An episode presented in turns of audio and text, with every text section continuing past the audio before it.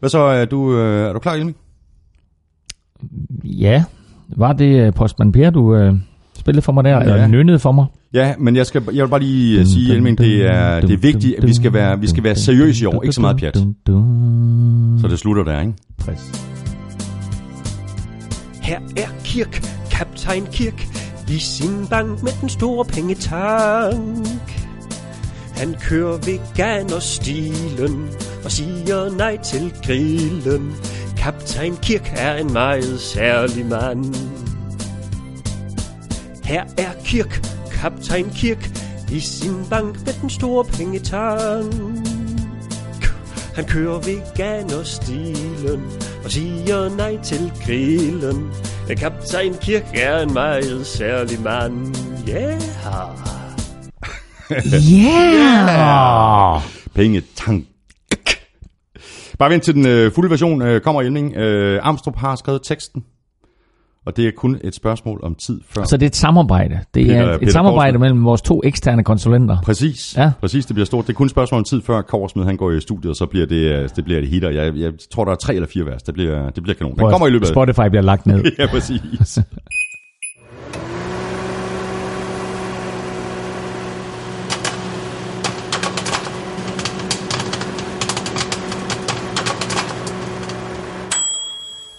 Og så tænker jeg på, øh, Elming, vil du høre noget andet sjovt? Øh, En af vores øh, gode lyttere, øh, Mads Gelsing, han øh, gjorde mig opmærksom på det her klip på øh, Twitter, og som han skrev, her er den nye Anquan, The Iron Man, Bolden. Três recebedores. Formação full house ali. O Big Ben vai pro lançamento. Acerta o alvo. Juju. Juju. Juju. Juju. Juju. Juju. Juju. Juju. Touchdown.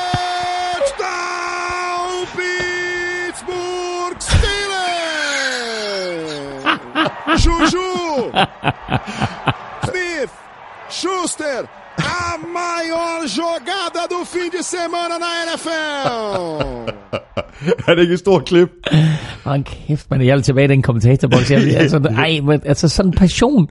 Det er fantastisk. Okay. Fodbold, er, fodbold er kæmpestort i, i Mexico. Det er der heldigvis også her i Danmark. Shoo, ja. Shoo, shoo. Øh, Det bliver, det bliver større og større, også herhjemme, og det kan man faktisk også se på vores øh, lyttertal, at der bare bliver ved med at øh, vokse. Du lytter til øh, NFL-showet, der er produceret af Kvartrup Media og optaget live on tape i samarbejde med Tafel og Odset fra Danske Spil.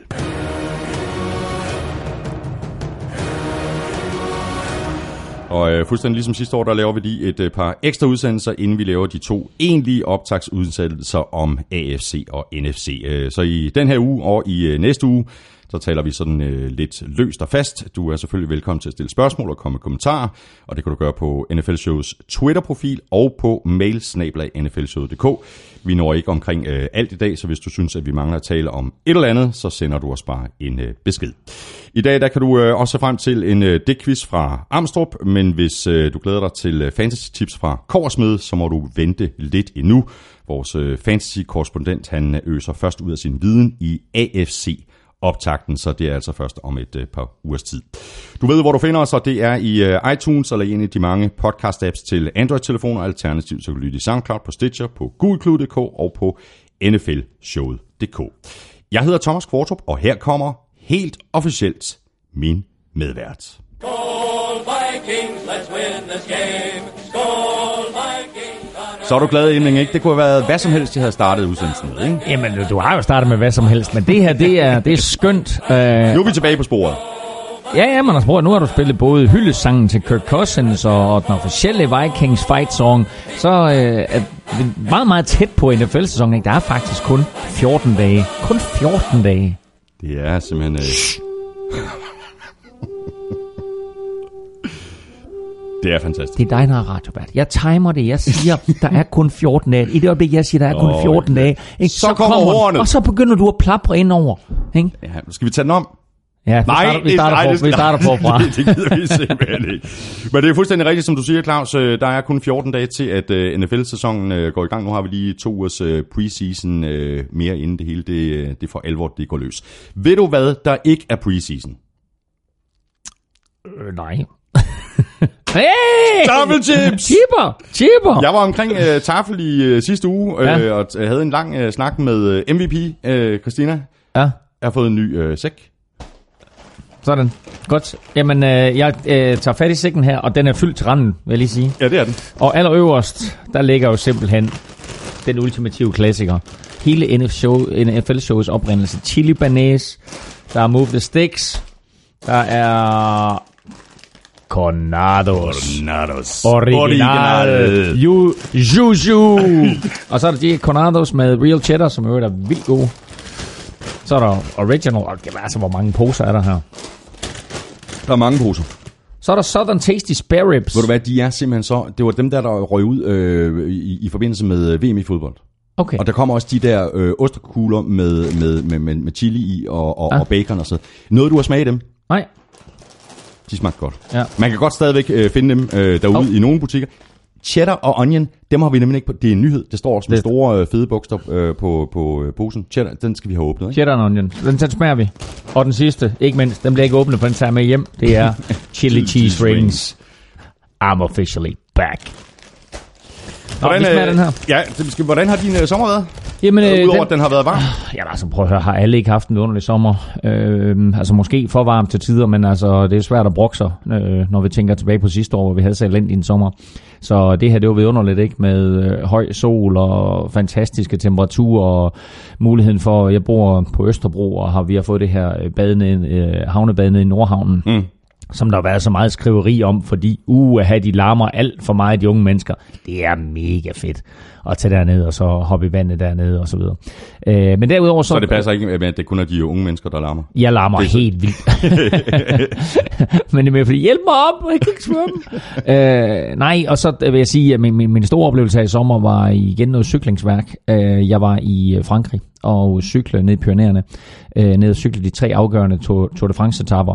Øhm, og det var jeg i forbindelse med, at jeg er ambassadør for Skleroseforeningen, og vi var dernede med, med det her øh, velgørenhedsprojekt, de har, der hedder Cykelnerven. Og der var den super fede historie jo, at øh, vi cykler op af, af den sidste dag, der cykler vi op af, imod noget, en, en stigning og et bjerg, der hedder Koldobisk. Øh, og sådan to tredjedel op på toppen, der har vi sådan en, en, en pause. Øh, og lige der, der kommer Team Sky simpelthen cyklende forbi. Stærkt. Øh, med øh, Chris Froome, med Michael Kwiatkowski, med Wout Poels, og så også med den tid, eller senere uh, turvinder Grant Thomas. Uh, så de kommer cyklende forbi, der vi jo ikke klar over selvfølgelig, at det var Grant Thomas, der skulle gå hen og vinde turen. Men det var meget sjovt at se dem der. Fantastisk. Så du har været ude at cykle, og det gik bedre end sidste år. Uh, ja, væsentligt. Uh, jeg var i hvert fald... et rigtig grimt styr sidste år. Ja, ja, men altså... Uh, sidste år længe siden, ikke? Nu, uh, nu er der en ny uh, NFL-sæson, så nu, nu glæder vi os til at komme i gang. Nu skal vi smage på de her. Det skal vi.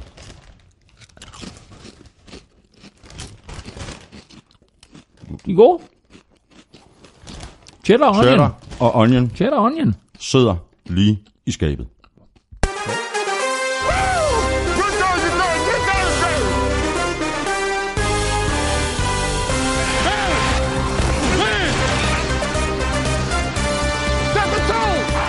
Ja, nu begynder det for alvor at lugte af fodbold. Der er kun to uger til, at de forsvarende mester fra Eagles åbner sæsonen Thursday Night mod Falcons. Og vi er sikre på, at du glæder dig mindst lige så meget, som vi gør.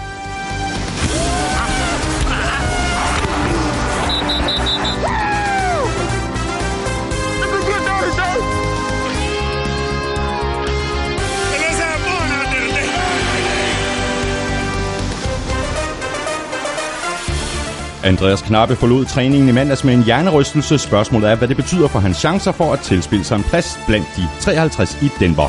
Det er bare et af de mange spørgsmål, som vi forsøger at give svar på her i sæsonåbneren. Jeg hedder Thomas Kvartrup, og med mig har jeg Claus Elming.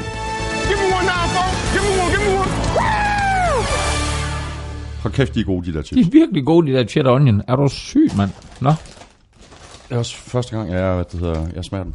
okay. Fantastisk. Ja, de er virkelig gode. Og øhm, Elming, lad os bare begynde med Knappe. Øhm, han blev øh, som sagt øh, kørt fra banen i mandags under træning, og lige til at begynde med, da jeg, jeg stadig læste de, de, de første historier, mm. det, så frygtede jeg virkelig, åh oh, nej, nej, nej. Mm. Var ikke helt lige så slemt, som, som man lige frygtede en overgang. Jeg kunne se, at der var også folk, der ringede, åh, oh, her ryger han på injured reserve, og så videre. Ikke? Jo, men altså, øh, jeg, jeg ved ikke, om, om, om det ikke er så slemt. Altså, hjernerystelse er altid slemt. Øh, jeg havde en, en, en kort dialog øh, med ham øh, på Messenger. Øh, og øh, han var sød og svarede med beskeder, og men lidt kort for hovedet, og har man jernrystelse, så er der ikke noget at sige til det. Øh, og jeg spurgte sådan, om det var, om det var, det var slag, om det var jernrystelse, om det var dehydrering. Mm. Og der sagde han, at, at de kloge mennesker øh, mente, at det var nok lidt en kombination af det hele. Ja. Så øh, en stor mand, ikke? Altså øh, varmt øh, på den her tid i Denver, plus at du er oppe i øh, en, en mils højde, ikke? 1,6 kilometer. øhm, og du så får en på bæret, altså så lige pludselig, så, så slår det klikker. Der måtte han altså simpelthen ikke bare hjælpes for banen, men måtte sættes på en vogn Ja, og køres for ja, banen. ja. Øhm, og Sådan det, som jeg forstod det, så var det sådan øh, en forsinket reaktion. Altså det var sådan migræneagtigt, øh, altså der på træningsbanen, og det måske var noget, der var sket i, i den anden preseason kamp, hvor han jo spillede second string. Ja, måske nok, men øh, det der så sker også, det er, at du er, en, du er en ung spiller, eller i hvert fald en, en, en spiller, der ikke har etableret dig endnu. Og derfor så er du nødt til, øh, sikkert ifølge dig selv, at være på den træningsbane. Du går ikke hen og siger, hey, jeg har altså lidt ondt i hovedet. Du går ud på den træningsbane, og så viser du, Ja. at du, at, at du, at du er, er klar. At det er sådan, at du er, er frisk på den her træning. At du er vel forberedt. Øh, nu er der den situation, nu har han været nødt til at trække sig. Han er blevet hjulpet fra banen, og ifølge sig selv, så bliver han altså ikke klar til den her tredje preseason kamp, som kunne være blevet rigtig, rigtig vigtig for ham. Så umiddelbart så ser øh, fremtiden for Andreas Knappe i, i Denver Broncos ikke umiddelbart lys ud, hvis jeg skal vurdere det på det her. Lad os, lige, lad os lige tage et par, par spørgsmål øh, om det her. Der er kommet rigtig mange øh, af slagsen. Anders Petersen, han skriver sådan her, hvor meget pres er knappe under i forhold til sin alder. Han er 27, og selvom offensive tackles generelt kan spille til de godt op i 30'erne, så må det vel være snart øh, være, være tid til at bryde igennem og få en plads på et hold. Og øh, Hamza Michel seidler Barrow øh, skriver sådan her, hvor stort er Knappes vindue? Jeg mener, hvis han bliver kottet nu, så tænker jeg, øh, at det begynder at se noget sort ud. Ja, altså han har stadigvæk øh, den her øh, fysiske ramme med sine 2 meter 5, øh, 2 meter 6, 7 stykker, eller hvor meget det er, og 140 plus kilo. Der har han stadigvæk nogle fysiske attributter, som hedder det bytter? Butter? Butter, butter, butter, du øh, insisterer på udtalelsen. Du har også lige været i Frankrig. Jamen det er fordi, jeg har været i Frankrig. Attribut, attribut. Men så tror jeg faktisk, ikke, man, så tror jeg ikke, man skal udtale tid faktisk. Så er det attribut, måske. Les attributs. Ah oui. Oui, les attributs de Andreas Knapp. Euh, Andreas Knapp. Nap. Oui, le grand, le grand danois. Øh, han, han er stadigvæk et fysisk pragteksemplar. Men det er klart, at han, øh, han kommer op i alderen, men han bliver jo formodentlig også bedre og bedre, jo mere træning han kommer igennem. Jo flere NFL-træninger han kommer igennem, jo flere gange han får lov til at stå over for Von Miller og den slags spillere, Ja. så bliver han bedre. Og det er klart, at det skal han tage med sig, uanset om han bliver cuttet eller ej, uanset om han bliver sat på practice squad eller ej. Nu bliver det interessant at se, hvad der sker her, fordi tager han fra Broncos med en skade, så vil vi komme ind i, at der kommer en eller anden form for det, man kalder injury settlement, altså, han- altså han får nogle penge simpelthen, fordi han er blevet skadet i den her træningslejr. Men det kommer ikke til at beløbe sig til særlig meget, fordi han var på yderste mandat. Mm, mm. Han skal håbe på, at han kommer tilbage næste uge, og at han kan spille den fjerde preseason kamp. Kan han hverken spille tredje eller fjerde preseason kamp, så bliver han kortet. Er han med i fjerde preseason kamp, så er der en, en uh, sandsynlighed for, om man ikke stor, men trods alt en sandsynlighed for, at han kommer på practice squad.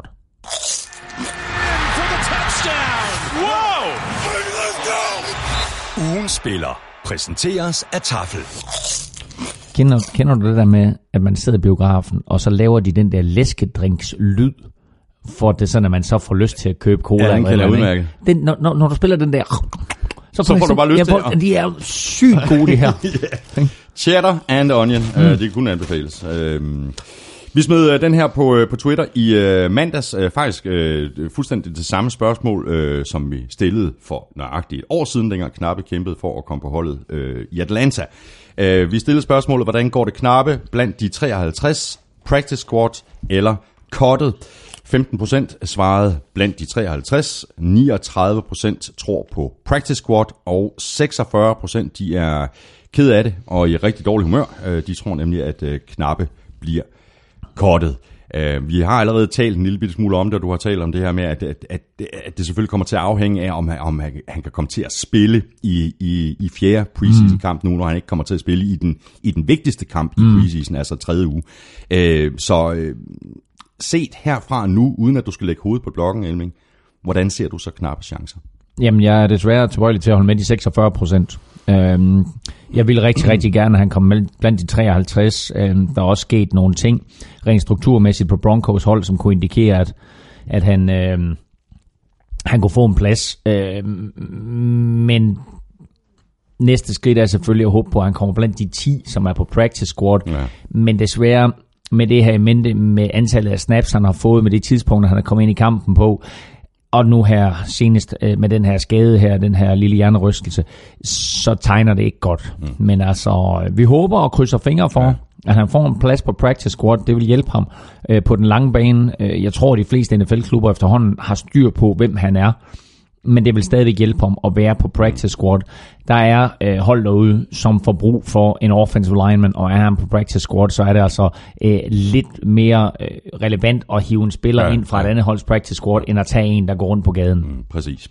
Og øh, som du sagde, øh, vi krydser selvfølgelig øh, fingre for, for Knappe, og vi holder også øh, øje med, hvordan det, det går med ham. Og så er det nu, at øh, du skal til at krydse fingre for dig selv, hvis du har svaret på øh, ugens spillerkonkurrence. Det er nemlig nu, at vi skal have fundet en vinder af 8 poser taffelchips.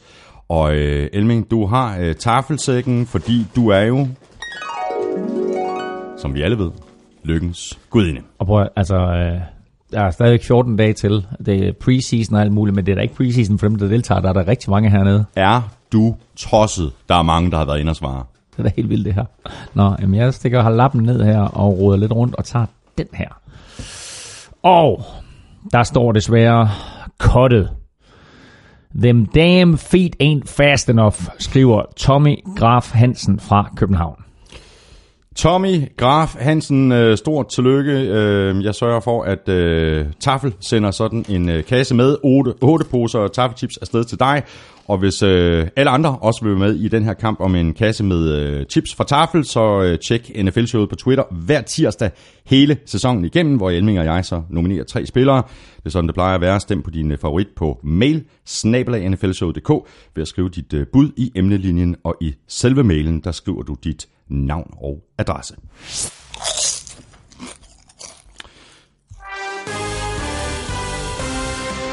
Vi skal have quizzen! Åh, Det er tid til quiz, quiz, quiz, quiz, quiz.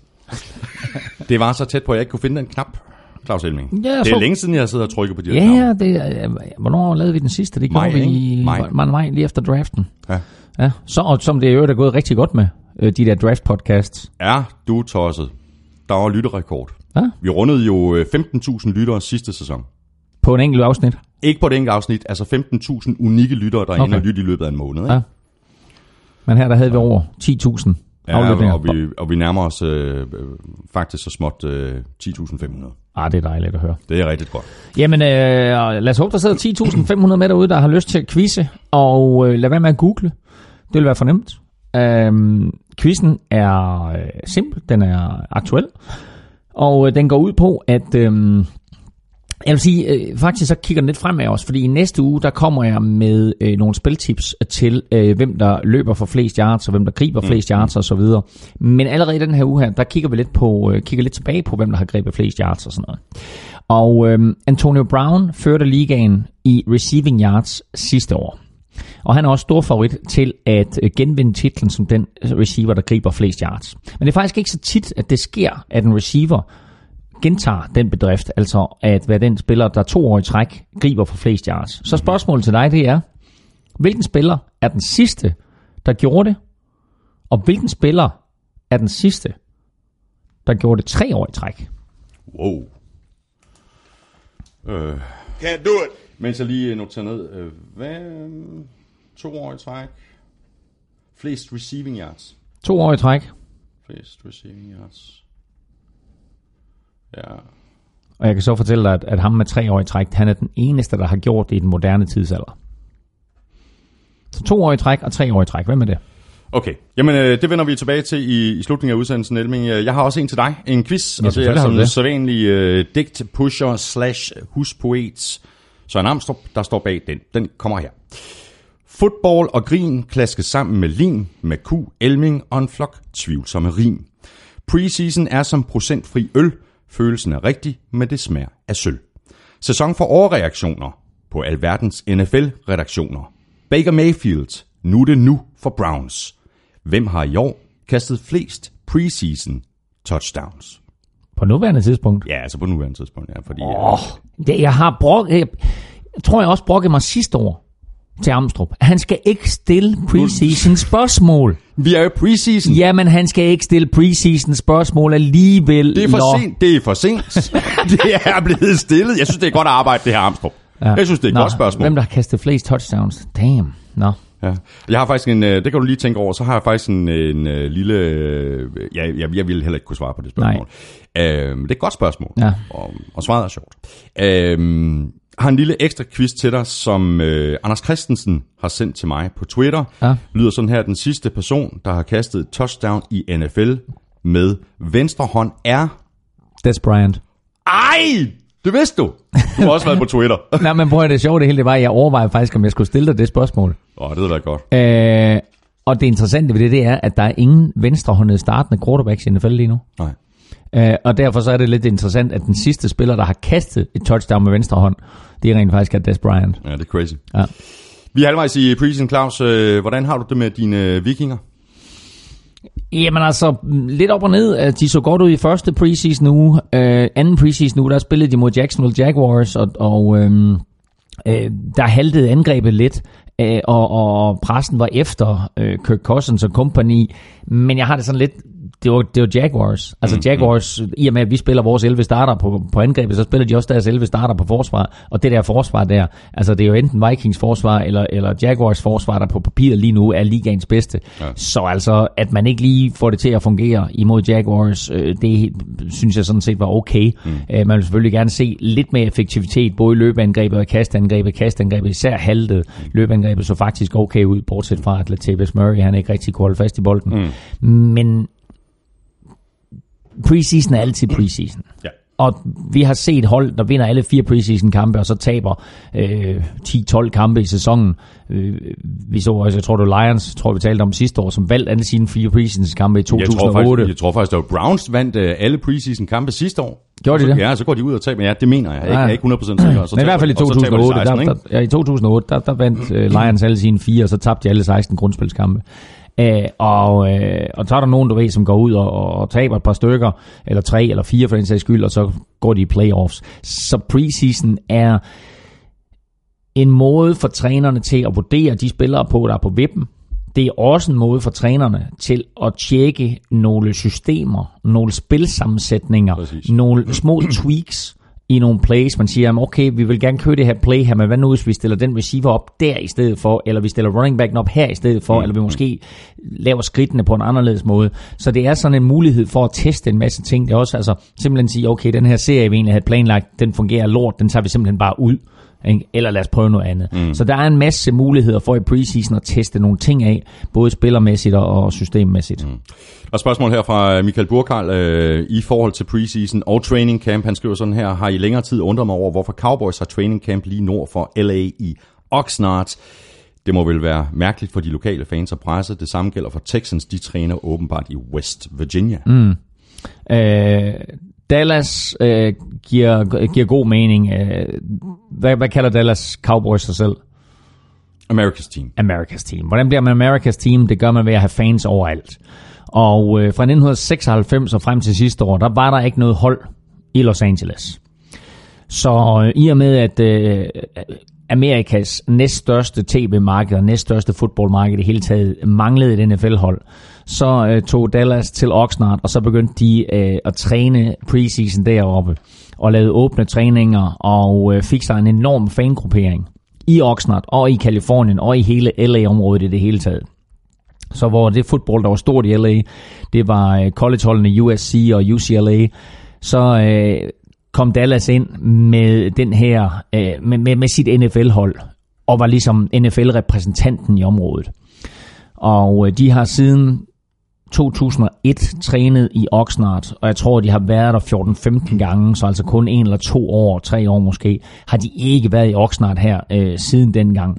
Og de har faktisk skrevet under på en, en øh, ny officiel kontrakt med øh, Oxnard øh, by og county omkring at komme tilbage dertil i hvert fald, jeg tror det er tre eller fire år yderligere, fordi det er så stort for Oxnard også at have besøg af Dallas Cowboys, ja. og der er altså mange, mange tusind fans deroppe. Så øh, når Dallas Cowboys, Dallas Cowboys skal jo øvrigt spille mod alle fire Kalifornien-hold i år. Uh, og der, nu kan jeg ikke huske, om de alle sammen er på udebane. Uh, det er det nok ikke, men altså, de spiller mod alle fire, men når de besøger Kalifornien, så sidder der altså rigtig, rigtig mange Cowboys-fans. Og det gør der, fordi de er Amerikas team, og de har vist en velvilje til at, at besøge Kalifornien, og især det sydlige Kalifornien, mens der ikke rigtig var noget fodbold dernede, eller i hvert fald NFL-fodbold. En af de øh, allervigtigste ting i training camp og i preseason er selvfølgelig at undgå skader. Øh, der er desværre øh, allerede øh, en del spillere, der er blevet skadet, øh, og desværre også øh, nogle alvorlige slagsen. Øh, Darius Geis, øh, running back Redskins, øh, overrevet korsbånd ude for sæsonen. Det er et kæmpe slag for, for Redskins. Det går rigtig, rigtig ondt. Redskins var sådan en af de helt store outsider, og øh, har jo hed Alex Smith ind som, som quarterback til at overtage for Kirk Cousins. Så drafter de Darius Guys og får ham faktisk ret sent i anden runde.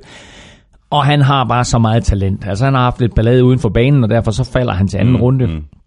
Helt klart det første runde talent. Og der er ingen tvivl om, at han var blevet nummer et running back på det her hold. Så bliver han skadet, korsbånd, færdig for sæsonen, Øh, og det er en kæmpe, et kæmpe, kæmpe slag. Det svarer lidt til Vikings, der mistede Dalvin Cook sidste år. Præcis. De overlever Vikings. De kommer helt til NFC-finalen, taber så selvfølgelig til et storspillende Eagles-hold, men de overlevede.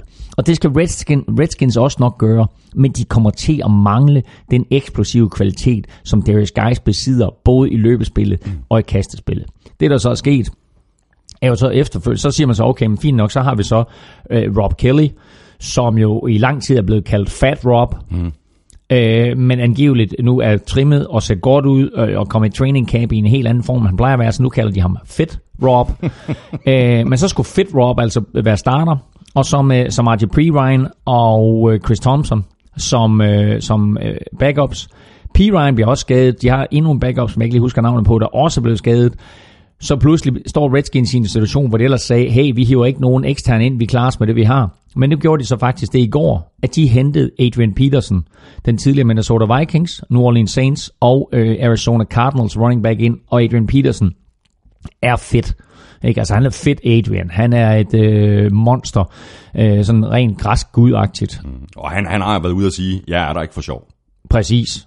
Og det interessante det er, at der er ingen tvivl om, at Fit Rob, han så det her som, som sin store chance med, altså selvfølgelig er det, er det røv, at Darius Guys bliver skadet, men der er ingen tvivl om, at Rob Kelly han sagde, okay, fint nok, mm. nu er den her stilling, nu er den min, det er mit job. Jeg er startende running back. Nu kommer Adrian Peterson ind, så bliver der altså pludselig kamp om det. Og det kan godt være, at Adrian Peterson han er en første down og en anden down back, hvor Rob Kelly måske nok kunne besidde, eller spille alle tre mm. øh, downs, men du har også Chris Thompson, der skal ind og spille på tredje down. Så hele den her øh, variation af running backs, og hvem der lige skal spille hvornår. Det bliver interessant at se, hvordan Redskins de håndterer den. Så har vi øh, en skade øh, hos Chargers. Hunter Henry, tight enden, øh, overrevet korsbånd også, og det fik han ved den allerførste træning tilbage i, øh, i maj måned øh, ude for sæsonen. Øh, også en kæmpe bomber for, for, for Chargers. Så jeg har bare med det samme, øh, det, det skal I så tænke bare, Chargers igen. Mm. Og det er, så, det er så ærgerligt for dem, fordi de, de kan bare ikke overleve det her. Men, men altså, alle, alle hold får skader. Det der så er med Chargers, og med Redskins for en sags skyld, Redskins var det hold sidste år, der havde allerflest skader, men Chargers må have ligget lige bagefter, fordi øh, de har igennem de sidste to-tre sæsoner haft et hav skader, og jo skader til store profiler. Mm. Og Hunter Henry er sådan lige uden for den der gruppe af super tight ends. Han var måske nok den næste øh, store tight end i ligaen. Øh, virkelig, virkelig atletisk, gode hænder, stor, øh, altså god størrelse, løber fine ruter, og var sådan stille og roligt ved at blive det mål for Philip Rivers, som Antonio Gates var tidligere. Mm. Nu er det så sådan, så, så de selvfølgelig har andre våben, og de har også en Mike Williams, der rent faktisk har, har gjort det rigtig godt. Men det her at miste Hunter Henry er bare en vigtig brik at miste. Chargers, det er angrebet det her. Chargers forsvar mister cornerback Jason Verrett. Han er også færdig for sæsonen. Mm. Og så i går øh, kommer Casey Hayward, den anden cornerback, til skade. Angiveligt ikke alvorligt, men det er ikke meldt ud endnu, hvor slemt det er. Øh, og om øh, han bliver klar til spil U1, som altså er om 14 dage. Mm. Øh, Casey Hayward, virkelig, virkelig god corner. Casey Hayward og Jason Barrett sammen var en rigtig, rigtig god duo. Uden de to på banen, så snakker vi altså tredje og fjerde cornerbacken, der pludselig skal starte inden. Det er også potentielt en lille katastrofe for Chargers. Mm. Og så sidder Alshon Jeffrey fra Eagles øh, ude i mindst øh, 6 uger med en øh, skulderskade, som han angiveligt spillede med øh, det meste af sidste sæson, om ikke hele sidste sæson. Han har så fået en, øh, en operation, og så har vi sådan ligesom også, når vi nu har øh, Eagles i munden, mm. øh, så har vi spørgsmålstegnet omkring øh, Carson Wentz, om han bliver klar til week 1. Ja, og, og det var der jo ikke rigtig nogen, der havde set, at han ikke skulle blive klar til at spille U1. Øh, lad os starte med, med Alshon Jeffrey. Han spiller angiveligt halvdelen af sæsonen sidste år med en øh, flænge i, øh, i skulderen, og øh, den er han så blevet opereret for. Og det holder ham altså ude i de første seks uger af sæsonen, og som minimum. Og øh, det er jo altså det, det, det er et slag, fordi den måde, han gav øh, Eagles muligheden for at kaste dybt, øh, sådan, altså det, det, kunne være, det kunne være 20 yards, det kunne også være 30-40 yards, men altså han, han var god til at gå op og hente de her 50-50 bolde, hvor han er sammen med en cornerback ned ad banen, så er han god til at justere, komme op højere end cornerbacken, og så med stærke hænder holde fast i bolden. Det aspekt, det kommer de til at mangle. Dernæst, Nick Foles gjorde det jo fremragende, da han kom ind for Carson Wentz. Det tog ham lige et par kampe, og folk sagde, uha, det går, det går aldrig godt det der, men han ender med at spille to forrygende kampe til sidst i NFC øh, Championship-kampen, hvor de slår Vikings, og i Super Bowl, hvor de er ude i en shootout med, med Brady og company, og, og selvfølgelig ender med at vinde. Han har bare ikke set særlig godt ud i preseason. Og preseason er preseason, det ved jeg godt. Men jeg synes, der mangler noget timing. Jeg synes, der mangler noget rytme. Og der er ingen tvivl om, at Carson Wentz er en langt, langt bedre quarterback end Nick Foles. Eagles har jo det, at de gav Nick Foles en, en forlængelse af kontrakten, så nu har de altså Carson Wentz som første quarterback, og så har de Nick Foles som anden quarterback. Og det er fint. De kunne også øh, gå ud og trade Nick Foles, men altså med den her usikkerhed omkring Carson Wentz, som er lidt overraskende, at der er den usikkerhed. Fordi jeg tror, alle havde forventet, at han selvfølgelig stod der i spil u Eagles åbner sæsonen torsdag om 14 dage imod Atlanta Falcons mm. på hjemmebane. Klassisk tradition mm. i, gennem efterhånden været 15 år, at mestrene åbner sæsonen på hjemmebane imod en øh, stor og, og dygtig rival. Det her er Atlanta Falcons, som vi sagtens kunne se komme langt i slutspillet. Den kamp åbner de. Uden Alshon Jeffrey, og måske uden Carson Wentz. Mm. Det er ikke en god start. Nej, det er ikke en god start. Men omvendt så synes jeg, altså, Nick Foles han gjorde det godt øh, sidste år, og jeg forstår godt, hvis, øh, øh, hvis Eagles øh, trænerstab og, og medical staff, at de siger, better safe than sorry. Det kan godt være, at Carson Wentz i virkeligheden godt kunne starte kampen, men vi holder ham lige ude et par uger. Det, Men- jeg, jeg, jeg, jeg, men, tror... Men, men lad os lige tænke mig om. Hvad, sagde du Andrew Luck? Var det Andrew Luck, du sagde det? Nå nej, du sagde Carsten Wentz. Nå, det var Carsten Wentz, du sagde, ja. Ja. Ja, ja lad os nu se. Vi, vi kommer til at tale øh, Andrew Luck. Øh, Nå, det gør vi, ja. lige- lige ja det øh, lyder ja. meget som Andrew Luck, det der. Ja, men vi holder ham ude lige en uge eller to, og så kommer han tilbage. Ej, tror du, tror du, vi er Ej, ude i en ny det- Altså, jeg det- tror, det, vi, det Carson, tror- det tror jeg jeg tror, vi får Carson Wentz at se i år. Altså, und- undskyld mig, øh, at jeg siger kun, men det er kun en øh, korsbåndsskade, mm. og det er trods alt, øh, ja, hvad er det, 8? Ja, det, det var december, ikke? Så det, det er ni måneder siden på nuværende tidspunkt. Ja, ja. Øh, og det tager tid at komme tilbage fra en korsbåndsskade, ikke? Altså, for de fleste dødelige mennesker, der vil det være 12 måneder, men når du er inde i det NFL-system, og du bliver opereret af de bedste læger, har den bedste genoptræning, mm. så som minimum 6 måneder, og gerne 8, 8 måneder, men nu rammer vi altså 9 til 9,5, mm. når, øh, når sæsonen går i gang, ikke? Øh, så nu må vi se, hvornår Carson Wentz er tilbage. Lad os lige nappe et par, par skader mere, øh, inden vi taler Andrew Luck. Jeg har Jake Ryan, linebacker for, for Packers, ude for sæsonen med en knæskade. Øh, skidt for Packers, skidt for Ryan. Øh, det var mm. hans øh, kontraktår. Ja, det var hans kontraktår, men det er også skidt for Packers, fordi de har altså manglet noget pass rush. Øh, og øh, han havde altså evnen til, når han fik lov til at, at blitse på ydersiden, øh, og for den sags skyld for indersiden, at han, kunne- han, han kunne faktisk nå ind og lægge pres på quarterbacken. Og det har de altså mistet lidt øh, med en aldrende Clay Matthews. Øh, så jeg synes jo egentlig, at, at Jake Ryan han var deres bedste linebacker. Ham skal de altså ud og finde en erstatning for nu. Så har vi øh, Daryl Williams fra Panthers right tackle, øh, ude med en øh, knæskade i 4-6 uger. Ja, og igen, de her knæskader, det er jo svært at sige, hvor lang tid de kommer til at vare. 4 til 6 uger, det er nok nærmere 6, end det er 4. Og det er aldrig fedt at miste en offensive lineman. Det er aldrig fedt at miste så god en offensive lineman som Daryl Williams. En, en spiller, som har kæmpet sig øh, op gennem øh, hierarkiet, og, og nu er fast starter, og måske faktisk den bedste lineman på det her Panthers-mandskab.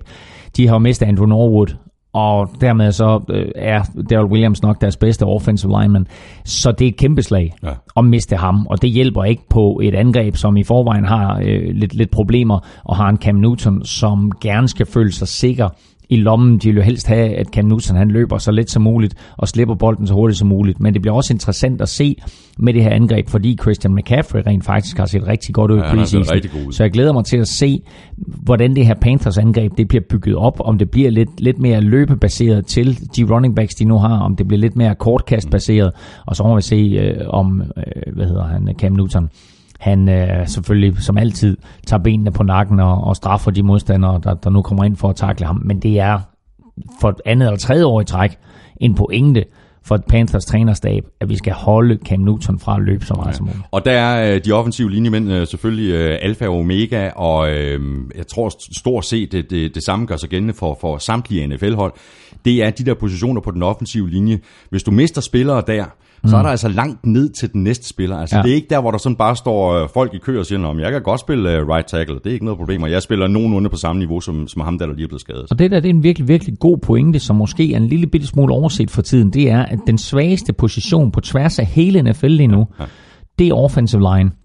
Der er masser af gode forsvarsspillere. Der er masser af gode running backs. Der er faktisk et hav af gode quarterbacks. Der er gode receiver, der er gode alt. Men den offensive linje har virkelig store kvaler. Præcis. Og især fordi, hvis du kigger på, hvor atletiske defensive ends er blevet i forhold til offensive tackles, så er defensive ends faktisk i bedre i forhold til øh, niveauet på den offensive linje rundt omkring.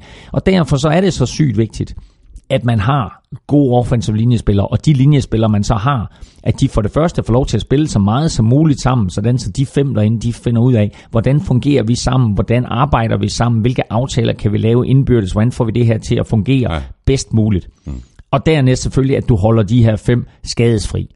Fordi mister du en, så kan det godt være, at du kan sætte en ny spiller ind. Det kan også være, at du er nødt til at rokere, som Vikings for eksempel sidste år var nødt ja. til. Så var de nødt til at tage deres højre tackle og sætte over på venstre guard. Og så pludselig, så sker der en masse ting. Så får du ikke den der rytme.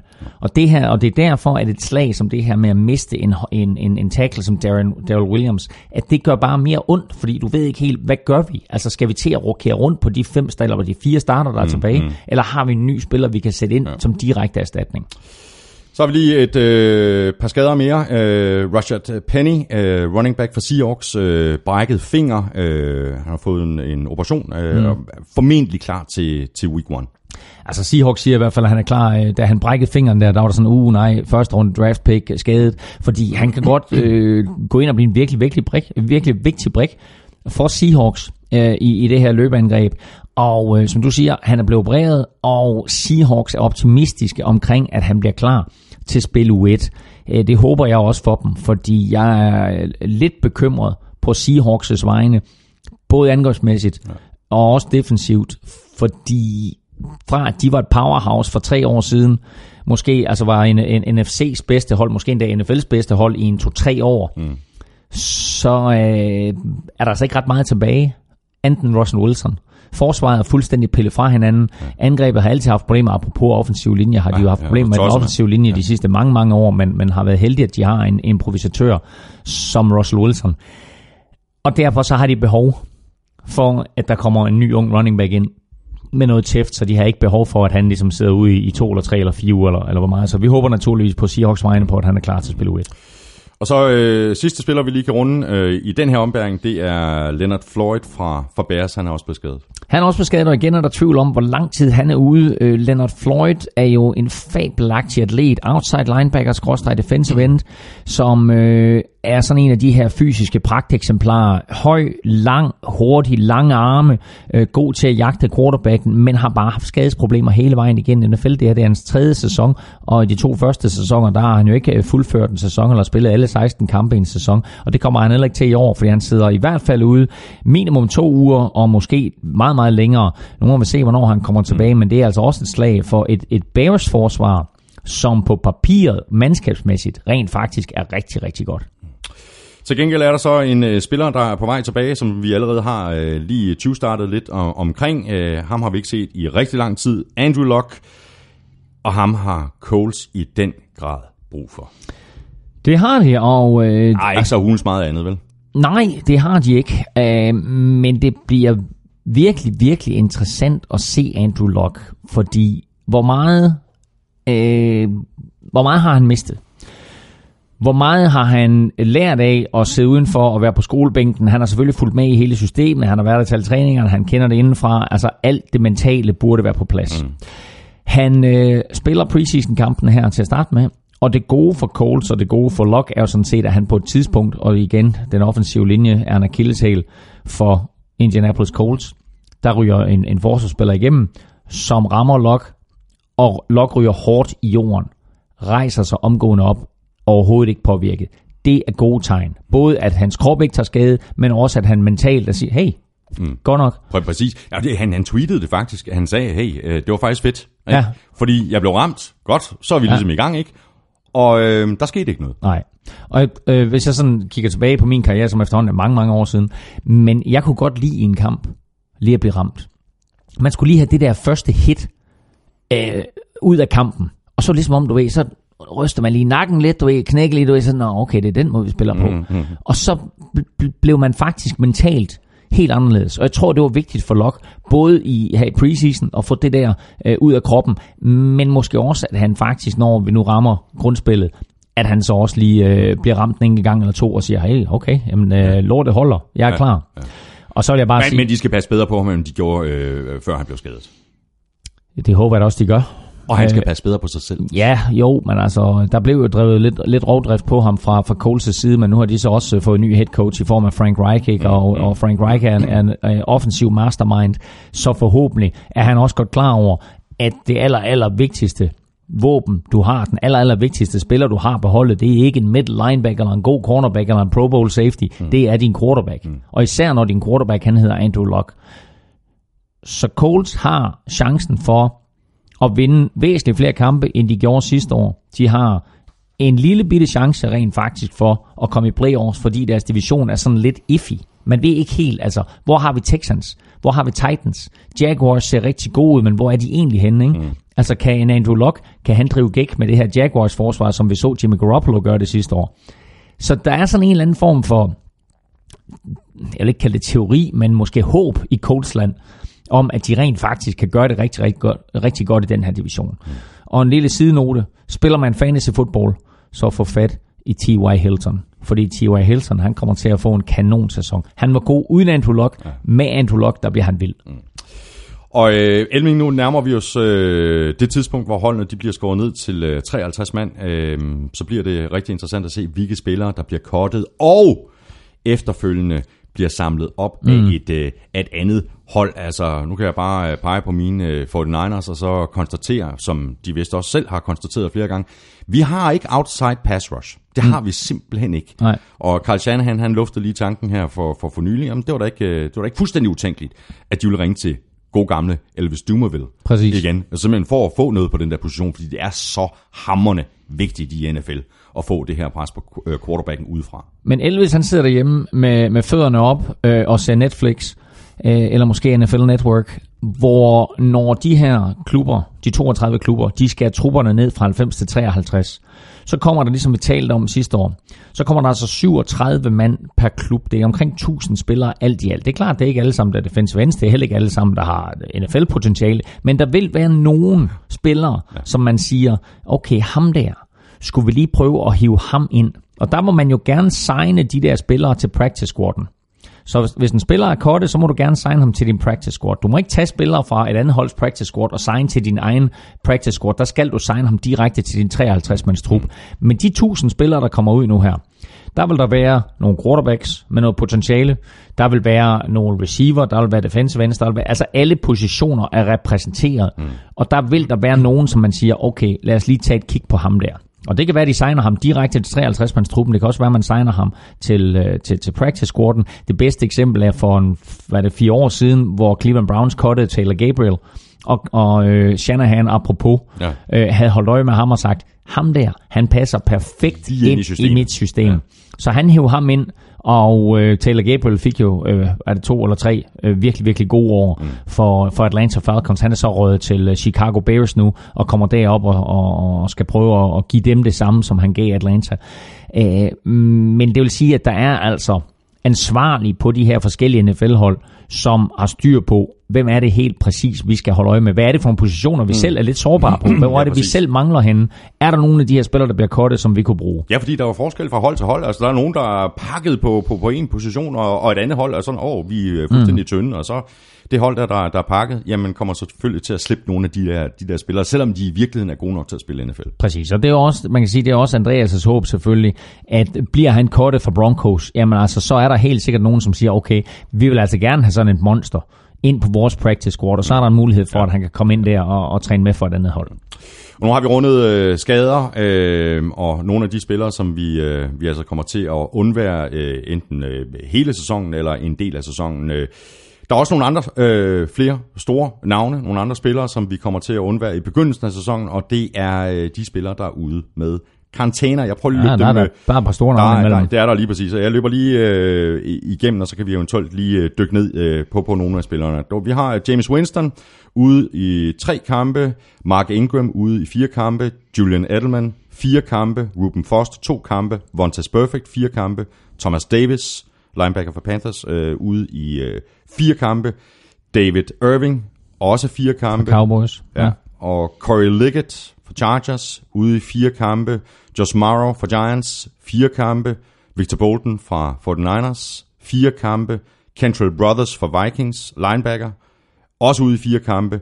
Og så har vi øh, Mark Sanchez, øh, free agent, quarterback. Han er også ude i fire kampe. Ikke at det er... Øh, Og det er sjovt alligevel, at Mark, Mark Sanchez, der han på en eller anden måde har dummet sig og, og taget... Og når man kigger ned er over den liste, du har skrevet PEDs, der. det langt, langt de fleste, det er PD's. Altså, man, Ja. man har taget øh, præstationsfremmende Præcis. stoffer. Ja. Øh, Mark Sanchez, han har helt naturligt følt sig fristet til lige at, at tage lidt øh, god medicin, hvis han skal have en chance for at komme på et NFL-hold. Ja, jeg ved ikke, hvad det går ud på. Altså, der er jo... Øh, altså, nogle gange, når man står på ydersiden og kigger ind, eller for en sags skyld, når man er på indersiden, og frygter, at man ryger ud, så tager man et eller andet for lige at komme så hurtigt over en skade, sådan så man måske er klar til at spille om søndagen. øh, Og øh, det kan på ingen måde øh, berettiges, men altså, øh, når det er forskellen på at tjene 3 millioner dollars, eller at stå og, og tjene 0, så kan man nogle gange godt forstå, øh, hvorfor de gør det. Uh, og også det her med, at det er en brutal, brutal sport. Og en gang imellem, så gør det altså virkelig ondt. Og en gang imellem, så kan du nærmest ikke stå ud af sengen. Og så er du nødt til at tage et eller andet, for at komme ud af sengen. Mm. Og igen, øh, kan det på ingen måder, øh, skal det på ingen måder forherliges, eller noget som helst. Men jeg siger bare, jeg kan på et eller andet niveau godt forstå de her spillere, som føler, at de er nødt til at tage et eller andet. Hvis det udelukkende er et spørgsmål om, at du skal træne for at blive større og stærkere, øh, så er der overhovedet ingen grund til at gøre det. Jeg ved godt, at det, der Og det er det jo mange af de her øh, tilfælde. Altså PEDs, Åh, altså, det er jo ikke, det er jo ikke, det er jo altså, ikke, jeg tænker, er Mark, Mark. Mark, Sanchez, altså, har han taget PEDs for at blive større og stærkere? Altså, Eller hurtigere. ja, Eller mås, mere mås, mås, eller måske mere- hurtigere. Måske, måske for, han, ja, jeg ved det ikke. Uh, men altså, det, den interessante uh, er jo også uh, James Winston, Ja. som jo... Det er ikke PEDs. det er ikke PEDs, men altså som jo... Uh, Såkaldt Er rød- conduct violation. Ja, han har røget lidt i, i, i klammeri med loven, og har angiveligt... Øh, Gramset på en Uber-chauffør. ja, jeg skulle lige til at, at nævne noget hashtag MeToo-agtigt et eller andet, ikke? Øh, men altså, det var hans telefon, der havde ringet efter den der Uber der, men det var ikke ham, der var trådt ind i den, og jeg ved ikke hvad. Nu har han fået tre kampes karantæne. Mm. Og det er ikke godt for Buccaneers, fordi i, i øh, deres sidste preseason-kamp her, der startede Ryan Fitzmagic, og han så ikke specielt godt ud. Så kommer James Winston ind, fordi selvom James Winston han har karantæne i de tre første grundspilskampe, så må han gerne spille med i preseason. Men i og med, at det er Fitzmagic, som øh, skal starte de her tre første øh, grundspilskampe, så er det også ham, der starter i preseason. Det er der ikke noget krav om, men det er klart, at man vil gerne se ham med første holdet. Så kommer James Winston ind, og James Winston så virkelig, virkelig god ud. Så jeg var meget overrasket over, hvor skarp James Winston han så ud. Og kan Fitzmagic vinde en af de her tre kampe, så er Box faktisk mm. nogenlunde okay, når James Winston han kommer tilbage. Der er bare en gigantisk kvalitetsforskel på quarterback 1 og quarterback 2. Mm. Og quarterback 2 her i de første tre kampe, altså James Winston, eller det er han ikke engang, for han får ikke engang lov til at være med på banen. Men altså quarterback 1 resten af sæsonen er selvfølgelig James Winston. Mm. Og der, apropos det her med skader og så videre, der skal de holde ham skadesfri, for der er en enorm forskel på at have ham på banen, og så have Ryan Fitzpatrick på banen. Mm. Er der nogle af de, de andre spillere, som, vi som du synes, vi skal, vi skal tale mere om? Du får lige, øh, du får lige listen her. Jeg tager lige listen her. Øhm, altså Mark Ingram selvfølgelig, running back for Saints. Mm. Det betyder, at Alvin Kamara øh, bliver øh, nummer et øh, running back, og igen... Og, og score lige og nappe i fantasy. Hvis man spiller fantasy, så er han i hvert fald rigtig, rigtig god. Patriots med Julian Edelman. Hmm. Det bliver altså øh, også interessant at se, hvad der, hvad, hvad, der, hvad der sker for Patriots, og hvordan det er sådan, at de justerer øh, hele deres receiving corps efter det her. Fordi det er klart, at Chris Hogan øh, kommer til at starte, men hvem kommer til at starte på, på, den, på den anden receiver? Øh, de har jo blandt andet heddet Cordell, Cordell Patterson ind fra, ja. fra øh, Raiders, øh, den tidligere Minnesota Vikings-spiller også. Øh, så, skal du bare se, hvordan han får succes i år. Ja, Cordell Patterson? Ja, Jamen, det tror jeg ja, også. fuldstændig. Bill Belichick, ja. fordi han, han er jo træneren der kigger på en spiller, og så ikke fokuserer på det, som spilleren ikke kan gøre. Og der var rigtig mange, der, der taler om uh, Cordell Patterson, og alt det, han ikke kunne gøre. Bill Belichick siger, det er da muligt, han ikke kan gøre mm. det der, men han kan gøre det der. Ja, jamen, præcis. Ja, ja og, og, og det er jo det, den måde, han gør. Ikke? Han, han, ser jo, han ser jo brikker. Mm. Ikke? Altså, han ser jo skakbrikker og siger, ja. hvad kan den her skakbrik gøre for mig? Mm. Han er ikke en løber, han er ikke en hest, han er en et eller andet. Ikke, du ved? Og så, så bruger jeg ham på den her måde. Ikke? Så han skal, nok, han skal nok få en interessant sæson, uh, Cordell Patterson, og så giver ham jo også noget ekstra på special teams. Det man skal, det, man skal se med Cordell Patterson, det er, at uh, han jo ikke bare er en god returner. Han er jo virkelig, virkelig en fremragende spiller mm. i alt, hvad der hedder opdækning på special teams også. Ja. Og det har Bill Belichick og Patriots altid gjort en stor væsen ud af. Så har vi Ruben Foster, som ja. du nævnte. Han har fået så to kampes karantæne. Det interessante ved ham det er, at der står ikke noget med performance enhancing drugs her. Der står substance abuse, i parentes marijuana, plus ulovlig pistol. Ja. Okay? Og der vidste vi på forhånd, da han kom i ligaen, at han havde sådan lidt issues ude for banen. Præcis. De er der så stadigvæk. Ja, men øh, det kunne være endt helt galt. Der var jo øh, den her sag, om han havde, øh, han havde banket sin, sin ekskæreste og så videre. Det, øh, den sag faldt jo fuldstændig øh, fra hinanden, fordi der var der en lang periode, altså med optag til den her retssag, altså mm. tænkte 49ers fans, okay, Ruben Foster, det var så det. Mm. What a waste of talents. Ja, ja. Men, men hun trak så anklagen tilbage, ikke? Ja, og var? Kunne, jo, kunne jo vise en optagelse på en mobiltelefon, ja. at de der blå mærker, hun havde, det var ikke Ruben Foster, der havde øh, givet hende dem. Det var rent faktisk en kvinde, hun havde været op og slås med ja. dagen før. Altså, så det var, og hun, hun sagde jo med det samme, hun henvendte sig til politiet allerede dagen efter, hun havde øh, indgivet anmeldelsen og sagt, mm. hey, det var bare, øh, det var, det var, det var lort, jeg vil bare, jeg vil bare straffe Ruben Foster, jeg vil ødelægge hans karriere. Mm. Men det tog jo masser af måneder, ikke? Og så var der altså den der marijuana-ting øh, tilbage fra Alabama, mm. og så den der øh, pistol i, i, i San Francisco. Han skulle bare bytte dem rundt. Han skulle bare have pistolen, mm. der var indregistreret i Alabama, i Alabama, og så marijuana Hvad fanden skal han med en pistol? Ikke? I've typ, got no idea. Typisk amerikansk, men hende der ikke. I've got no idea. Hende der ikke. Og det her det er ikke et politisk korrekt show. Hende der, hun fortjener fandme der for nogen på smæ. Altså. Ja, og det er ikke engang første gang, hun har gjort det. Hun har gjort det med en anden af sine tidligere kærester. Ja, jeg har godt hørt. Jamen, altså, det er jo sygt, det der. Ikke? Men prøv, og, det, og det er jo også noget, som de her NFL-spillere, de er udsat for. Hmm. Ikke? Altså, det, og det er det svære bagsiden af medaljen i USA, det er, at når du så kommer ind, og du som Ruben Foster får sådan en stor kontrakt, så er der jo pludselig nogle golddiggers derude, ja. der ser muligheden for at ja, få en del, ja, ikke, du ved. Ja. Og hvis han, du ved, hun så lukker alt det her ud, du ved, og han så indgår i en anden form for forlig, så får hun, hvad ved jeg, 400-500.000 dollars, ikke? Så hænger han stadigvæk på den sådan et eller andet, på et eller andet niveau, ikke? Ja, ser, og, og hun ser har, stadigvæk skyldig præcis, ud, Præcis jo, ikke? Ja. Og hun har fået nogle penge, og det er altså, han er ikke den eneste, det her det går ud over. Det er sådan, øh, det, det, det er... Ja, det er lidt grotesk og lidt klamt, øh, lidt varmt på en eller anden måde, ikke at det eksisterer, men det gør det altså derovre. Den sidste, jeg lige nævne her, det er, det er Thomas Davis, linebacker for, øh, for Panthers, som jo øh, har øh, erklæret sig uskyldig i alle de her anklager, man altså må, må tage imod øh, fire, dages, øh, fire spilledags karantæne. Og det er klart, at, det er også et stort slag for, ja, for, for ja. Panthers, øh, at, at han mangler det her sådan fabelagtige duo, de har der med Thomas Davis og Luke Kuechly, og nu ja, ja. bliver det så uden Thomas Davis til at starte med. Mm. Så har vi nogle øh, holdouts. Øh, jeg har skrevet fire navne ned. Øh, Khalil Mack fra Raiders, Earl Thomas fra Seahawks, Aaron Donald fra Rams og Le'Veon Bell fra, øh, fra Steelers. Øh, det er jo nogle øh, super øh, vigtige spillere og kæmpe, kæmpe stjerner, som altså... Hvem var det? Khalil Mack, Aaron Donald, der, Earl Thomas Earl og Bell. Ja, ja, ja. ja, altså alle fire er jo verdensklasse spillere. Ja. Øhm, lad, os starte med, lad os starte med Aaron Donald. Øhm, Aaron Donald øhm, føler, at han er NFL's, og det tror jeg ret mange er enige i, at han er NFL's bedste forsvarsspiller. Yes. Så han vil have en kontrakt, der tilsvarer øh, det niveau. Han spiller stadigvæk på sin rookie-kontrakt, og han vil have en øh, stor kontrakt, øh, som, som giver ham vel sagtens i omegnen af et sted mellem 16 og 20 millioner dollars om året.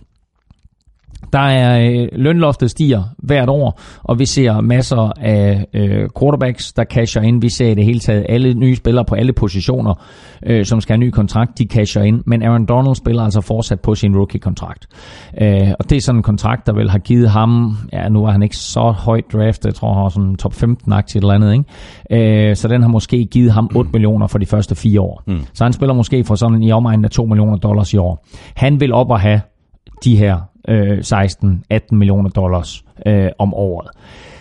Det er heller ikke umuligt, at han kan få det. Men øh, Rams har stillet sig lidt på bagbenene her inden sæsonen, og sagt, det kommer ikke til at ske. Nu spiller du din kontrakt færdig, øh, eller din rookie-kontrakt færdig, og så øh, må vi tage den derfra. Mm, Hvordan tror du, Aaron Donald har med det? Fordi altså, han kan jo sådan se øh, fra hjemme fra sofaen, og så, Nå, okay, så Todd Gurley får en ny kontrakt, og Brandon Cooks får en ny kontrakt. Brandon Cooks er næsten lige kommet til klubben, og sådan har man også mm. ligesom følt, hey, hvad med mig?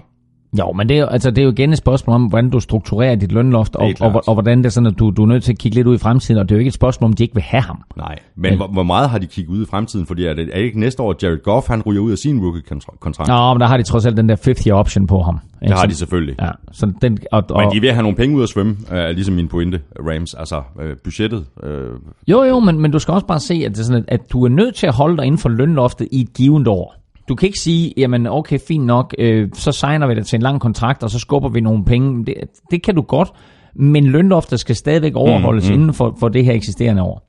Og hvis det er sådan, at de ikke har lønloftet øh, eller evnen til at få noget skruet sammen, som han og hans agent er tilfreds med, så er de nødt til at sige, nu spiller du det her år her. Øh, og der sker også det, at, det er sådan, at der selvfølgelig der er nogle, nogle, nogle, nogle bøder og noget alt muligt for, for, øh, for det her holdout for Aaron Donald, især hvis han ikke tropper op til regular season. Mm. Men hvis, de her part, hvis parterne skal mødes, så skal han have en eller anden forlængelse, som falder inden for, for, for lønloftet.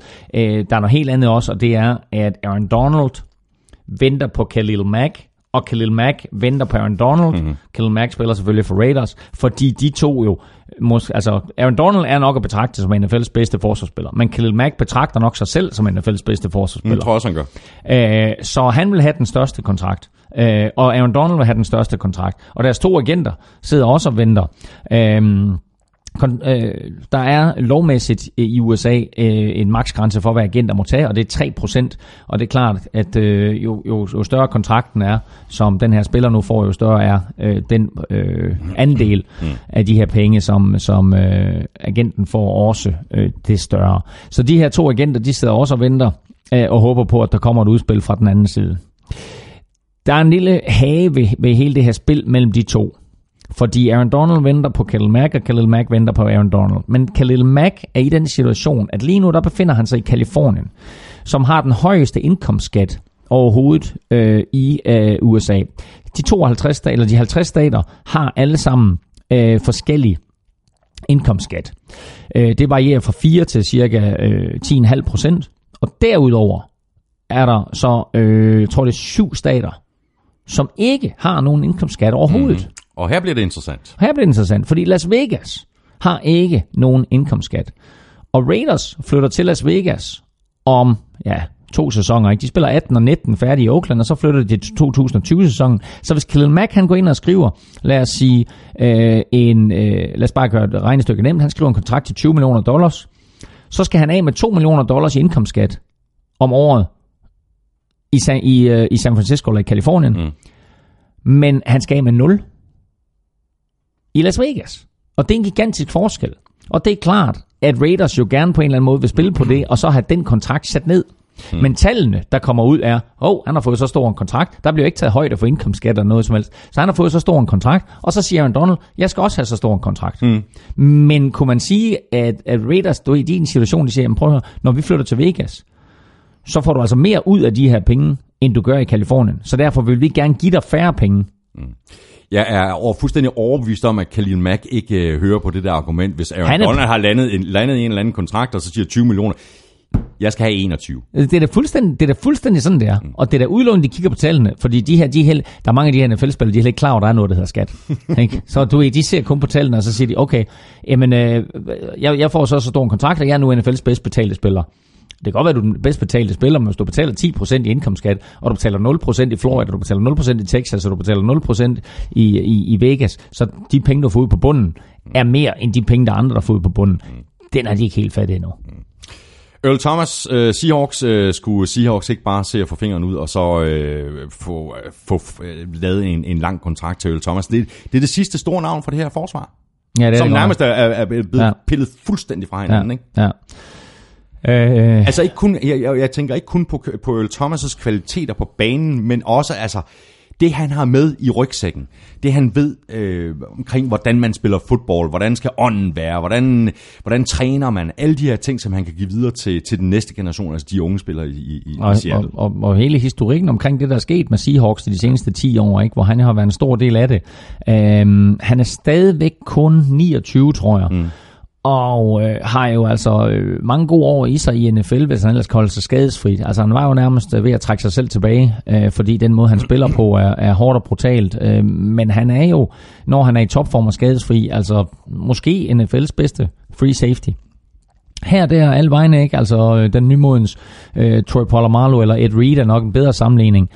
Øh, og Seahawks vil naturligvis gerne have ham på en kontrakt. kontrakt. Han leder efter en kontrakt, der hedder 13-14 millioner dollars. Det har Seahawks svært ved at give ham inden for lønloftet. Det kan Cowboys til gengæld godt. Cowboys kunne sågar give ham 15, hvis det var. Så der har igennem lang, lang tid, faktisk helt tilbage fra sidste år, sidste sæson, været en eller anden form for rygte om, at Earl Thomas er interesseret i at komme til Cowboys. Jerry Jones er interesseret i at få Earl Thomas til Cowboys. Så vi kunne godt se en trade, mm. inden sæsonen starter, mm. hvor Earl Thomas bliver sendt til Dallas.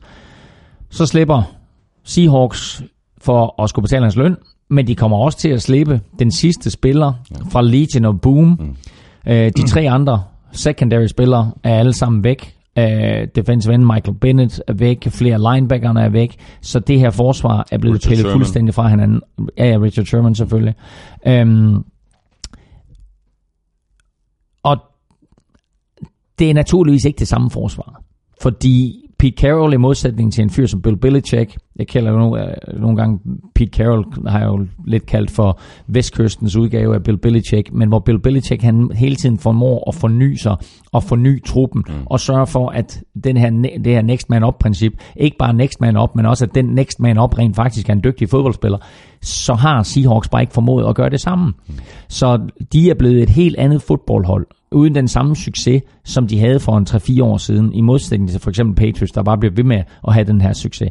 Øh, og med Earl Thomas ude, så må vi sige, så er transformationen øh, komplet. Så er der ingen tilbage af de her store kanoner fra deres Super Bowl år. Så har vi den sidste spiller, som vi lige går rundt her. Det er Le'Veon Bell fra, fra Steelers. Han spiller med et franchise tag for andet år i træk. Uh, han går ikke sulten i seng. Uh, han får øh, 14,5 uh, millioner, men uh, han noterede sig da også, at Todd Gurley landede en kontrakt, altså en fireårig kontrakt på, hvor det 60 millioner dollars, mm. og så sagde han, hey, sådan vil vi også have. Minimum. Jo, jo, han, altså, Le'Veon Bell vil jo gerne have sat standarden for, hvad running backs øh, skal tjene. Og han er jo ikke tilfreds med at spille på en etårig kontrakt. Øh, 14 millioner dollars er 14 millioner dollars, det er omkring 100 millioner kroner, altså hvad, eller hvad bliver det? Ja, 4, 4, 4 sagt eller andet, ikke? øhm, og et år, 84 millioner, fint nok, det kan du leve lang tid for. Men det er klart, at han vil gerne have en langvarig kontrakt, hvor han er sikret øh, ikke kun de her 14 millioner dollars, men lad os sige, Todd Gurley's kontrakt er på, hvad sagde du? Ja, jeg mener, det er 4 år 60 millioner. Ja, og der er de... Altså, det er ikke alle de her 60 millioner, som er garanteret. Jeg mener faktisk kun, i gåsøjne kun, at de 20 millioner er garanteret. Og så er der nogle bonusser, som han med stor sandsynlighed indfrier, mm. så han kommer op på omkring nogle af 30 millioner de første to år, som er garanteret. Mm. Og så kommer der noget løn ud over det. Øhm, Le'Veon Bell vil gerne have noget af det samme, men han vil gerne have en, en, øh, lad os bare sige, at han vil have den her kontrakt på nogenlunde samme størrelse, men sådan han garanteret at have øh, to tredjedel, eller måske mere garanteret. Øh, der er det her med, med, med de her kontrakter, at NFL-kontrakter, i modsætning til baseball-kontrakter og ishockey-kontrakter og basketball-kontrakter, at der er pengene ikke garanteret. Og det vil sige, at i det øjeblik, du bliver kottet, øh, og det kan være et år inde i din kontrakt, det kan være to år inde i din kontrakt, det kan være kort før kontraktudløb, men de penge, som du ikke har fået ud der, og som der ikke er garanteret, dem ser du ikke skyggen af. Og det er jo fint nok, at det er sådan, at du siger, hey, jeg har så så stor en kontrakt, men det, det drejer sig om for de her NFL-spillere, det er at få så mange garanterede penge som muligt. Mm. Og det er også derfor, at Kirk Cousins kontrakt med Minnesota Vikings satte helt nye standarder for NFL-kontrakter. Fordi den for det første var på tre år. Den var ikke på fire år, som er standarden, eller en forlængelse på to eller et eller andet. Den var på tre år, men med alle 87 millioner dollars garanteret. Det er, det er, den, første, det er, vildt, det er den første kontrakt nogensinde i en historie med alle syv eller alle pengene garanteret. Så Kirk Cousins har sat nye standarder for, hvordan kontrakter bliver forhandlet. Og Kirk Cousins med en treårig kontrakt er jo også der, at han kan se de her 87 millioner dollars til igen på kontoen. Og når det så er færdigt, så er lønloftet måske 20, 30, 40 millioner dollars højere. Så skriver han en ny kontrakt. Så får han pludselig 125 millioner for de næste tre år. Så på den måde, der har han jo fuldstændig sat nye standarder for, hvordan kontrakter skal skrues sammen. Og det er sådan noget lignende, som Le'Veon Bell, og han ved godt, at han er running back, men han er også godt klar over, at han skal optimere sin indtjening lige nu. Og det, og det skal gerne ske snart. Ja, ja, ikke, det skal Jeg tror, at Steelers, de, øh, de kommer til at drive overdrift på ham i år, ikke? Jo, og så... Og så farvel. Ja, og så... Øh, jeg, jeg tror ikke, at øh, Le'Veon Bell han spiller i Steelers næste år. Nej, det tror jeg heller ikke, men Le'Veon Bell troppede ikke op til den forrige preseason-kamp, og det gav ham faktisk en bøde på 750.000 dollars. Mm, det er også en chat. Ja, bye bye, ikke? Øh, altså, der skal man altså have isvand i blodet for at, at, at, at gøre det, og så sige, okay, men, altså, jeg gør det her for at få en større kontrakt. Okay, du får 14 millioner dollars, hvor stor forskellen lige på at få 14 millioner nu, og så du får en kontrakt, der måske giver dig 30 millioner garanteret over to år. Altså, det er ikke fordi, det er væsentligt. Altså, de 750.000, det går sådan rimelig stærkt, mm. hvis, han, hvis han får ja. den flere gange. Uh, så jeg ved, ikke, jeg ved ikke, hvor klogt det er. Det eneste, der er i det her, det er, at han selvfølgelig leder efter en langvarig kontrakt, altså flere år, hvor han er garanteret indkomst, ja, i stedet for at han hele tiden bare lever for år til år. Og så ved jeg ikke, om øh, de her spillere, som vi lige skal runde nu, om de også har øh, isvand i, i blodet. Det er nogle spillere, der stadigvæk ikke har nogen øh, kontrakt. Uh, vi kan for eksempel nævne Eric Reed og Colin Kaepernick, uh, to tidligere 49ers-spillere, som jo blev uh, kendt for ligesom at være dem, der gik uh, forrest, eller i hvert fald var nogle af dem, der gik forrest med at knæle under nationalsangen sidste år. Stadigvæk ikke nogen uh, kontrakter til dem. Jeg så lige i går, at Kyle Shanahan havde sagt, jamen der var, var måske en mulighed for at, at bringe Eric Reed tilbage til 49ers, mm. men så er det som backup, og det er Eric Reed ikke uh, interesseret Nej, i. Men, men, altså... men det er vildt, at det, det er to gode spillere, det, det er vildt, at de overhovedet ikke har en kontrakt. Prøv at det er fuldstændig urimeligt. De har begge to lagt sag an mod NFL, uafhængigt af hinanden, men øh, de har lagt sag an mod NFL's organisation og mod de 32 klubber, om at de her 32 klubber, de samarbejder om at holde dem uden for ligaen. Og det forstår jeg sådan set godt, fordi det er fuldstændig urimeligt, at Colin Kaepernick ikke har en backup-rolle et eller andet sted, og det er fuldstændig urimeligt, at Eric Reed han ikke starter et eller andet sted. Mm. Altså Eric Reed han kunne starte på minimum halvdelen, hvis ikke 25 af de 32 NFL-hold. Han er en fantastisk safety, mm. og han burde selvfølgelig spille. Og hvis Fort Niners bringer ham ind som backup, fint nok, så starter han som backup, og når så bølgerne har lagt sig lidt, og, og hele den der øh, øh, sensationshistorie om, at nu er Eric Reed tilbage i NFL, når den ligesom er død ud, så er han selvfølgelig starter, fordi han er en fantastisk spiller. Og altså, man må bare sige, jeg er ikke sikker på, at Eric Reed, eller Colin Kaepernick for en sags skyld, var klar over, hvor det her det vil bringe dem hen. Fordi apropos det her med, at Le'Veon Bell, han vil have så mange penge, og han, vil, øh, altså han er nødt til at optimere sin indtægt lige nu, så har Colin Kaepernick og Eric Reed jo begge to smidt en gloværdig karriere i Grams, og ikke mindst smidt en frygtelig, frygtelig, frygtelig masse penge mm. øh, ud af vinduet. Fordi de kunne begge to være på NFL-mandskaber lige nu. Og hvis du ser på, hvad backup quarterbacks tjener, så kunne Colin Kaepernick sidde og tjene 4-5 millioner dollars ja, et eller andet ja, sted. uden problemer. Øh, uden problemer. Men der må man vel tage hatten af for de her to spillere, og også andre spillere, at de, at de holder fast. Nu, nu har de jo set, hvad konsekvenserne er. Og så siger de, ja ja, men vi mener stadigvæk, det her det er så vigtigt. Og det var præcis den pointe, jeg vil frem til, at det er simpelthen altså hatten af for de to spillere og de andre, som på trods af, at NFL, ejerne og ikke mindst ham, den rødhårde, der sidder i det hvide hus, at de bliver ved med at svine dem til mm. og lave restriktioner og øh, love og øh, bøder og hvad der end er. Ja, nu har de jo indført øh, sådan nye retningslinjer for, for, for nationalsangen. At det var altså øh, NFL, øh, de her 32 ejere, de gik ud og sagde øh, sidste sæson, og lige efter sæsonen den sluttede, nu vil de arbejde sammen med spillerne, spillerforeningen, om at finde en løsning på, på, på, på den her ballade. Så traf øh, de 32 holdejere, altså NFL, mm. en beslutning hen over hovedet på spillerne, og sagde, det, vi har fundet en løsning nu. Øh, dem, der har tænkt sig at knæle, de kan blive i omklædningsrummet. Alle dem, der kommer ud på banen og, og øh, er fremme ved nationalsangen, jamen de skal stå op under nationalsangen. Jeg, mm. synes, sim- jeg synes simpelthen, det er noget råd, det her. Og jeg, jeg, jeg forudser, at øh, der kan blive øh, ballade igen. NFL er verdensmestre i at håndtere kritiske situationer, men det her det er en situation, de har håndteret virkelig, virkelig dårligt, og hvor de slet ikke har fattet omfanget mm. øh, af, hvad det er, de her spillere de vil, og hvad de står for. Og jeg synes da også, at det er mega irriterende, at vi skal sidde her og tale om det. Jeg vil da hellere, at det var sådan, at, at der var en eller anden form for konsensus øh, i USA, og nok mest i USA, men, men også i resten af verden, omkring, at ja, selvfølgelig skal der være lige rettigheder for lige folk. Ikke? Altså det skal da ikke være afhængigt af, hvilken farve hud du har, og om det er sådan, at øh, hvordan du bliver behandlet af hverken politiet eller offentlige myndigheder, eller for en sags skyld øh, på, på det hold, du nu spiller for. Så de her to drenge med flere har øh, har, har, har, har taget en beslutning om, at de står ved det her, de nu engang har sat i gang, og altså hatten af for det, fordi det er imponerende, og det er en modig beslutning, ja. både øh, på det menneskelige plan, men også på det økonomiske plan. Og øh, ESPN, den amerikanske tv-station, som viser Monday Night Football, har besluttet sig for, at de for første gang nogensinde ikke kommer til at vise nationalmelodien. Fordi viser det nationalmelodien, så vil der være nogle mandskaber, som bliver i omklædningsrummet. Ja. Der vil også være nogen, som, øh, du ved, hvor der måske står en spiller i spillertunnelen, eller måske først kommer ud, når nationalmelodien er spillet. Så de har besluttet sig for, at hele det her stort anlagte øh, den store anlagte afspilning af nationalmelodien, som regel med en eller anden form for, for kæmpe amerikansk flag på midten af banen, og måske øh, altså i mange tilfælde også med øh, tropper af, af forskellige karakterer, øh, både officerer og menige osv., som bliver hyldet. Det kommer de ikke til at vise i fjernsyn. Du kan selvfølgelig opleve det på stadion stadigvæk, mm. men det bliver ikke vist i fjernsyn, og det er bare den, den næste konsekvens, ja. i en lang række konsekvenser, vi slet ikke kender til endnu, øh, af den her sag, som, som desværre har taget en helt forkert drejning. Ja.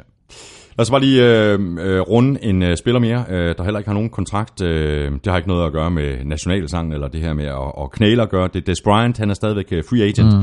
Øh, der har været masser af rygter de seneste måneder. Han har også øh, talt med Browns. Øh, der er ingenting på plads. Øh, tror du ikke et eller andet sted, at Des han efterhånden skal håbe på, at der kommer en skade på et eller andet tidspunkt, så der er et hold, der hiver ham ind? Jo, og angiveligt så øh, havde han jo et kontrakttilbud fra Baltimore Ravens, som han valgte at afvise. Det har nok været i den lavere ende, og så har han sagt, nej, nej, jeg er meget mere værd end det. Men altså, øh, Cowboys vil ikke vide af ham. Han var til prøvetræning hos, øh, hos Browns. Det kom der ikke noget godt ud af, og nu vil jeg sige, Browns selvfølgelig stille og roligt ved at, at få en masse talent på det hold, men mm. altså, han kunne ikke tilspille sig en plads på Browns-mandskabet. Så jeg ved ikke helt, hvor Des Bryant han ender. Jeg kan ikke sige dig, hvilket hold, der har brug for, for Des Bryant lige nu. Jeg synes jo stadigvæk, at han har nogle kvaliteter. Han har måske ikke, øh, han har aldrig været den hurtigste receiver i ligaen, men han har været god til at positionere sig selv, og han har været god til at, at, at, at gribe bolden i trafik. Mm. Øh, men han har, han har ikke været lige så god. Altså det, sidste sæson og forrige sæson var han, altså der kunne du se, at han var ikke lige så god til at skabe separation, som han var tidligere.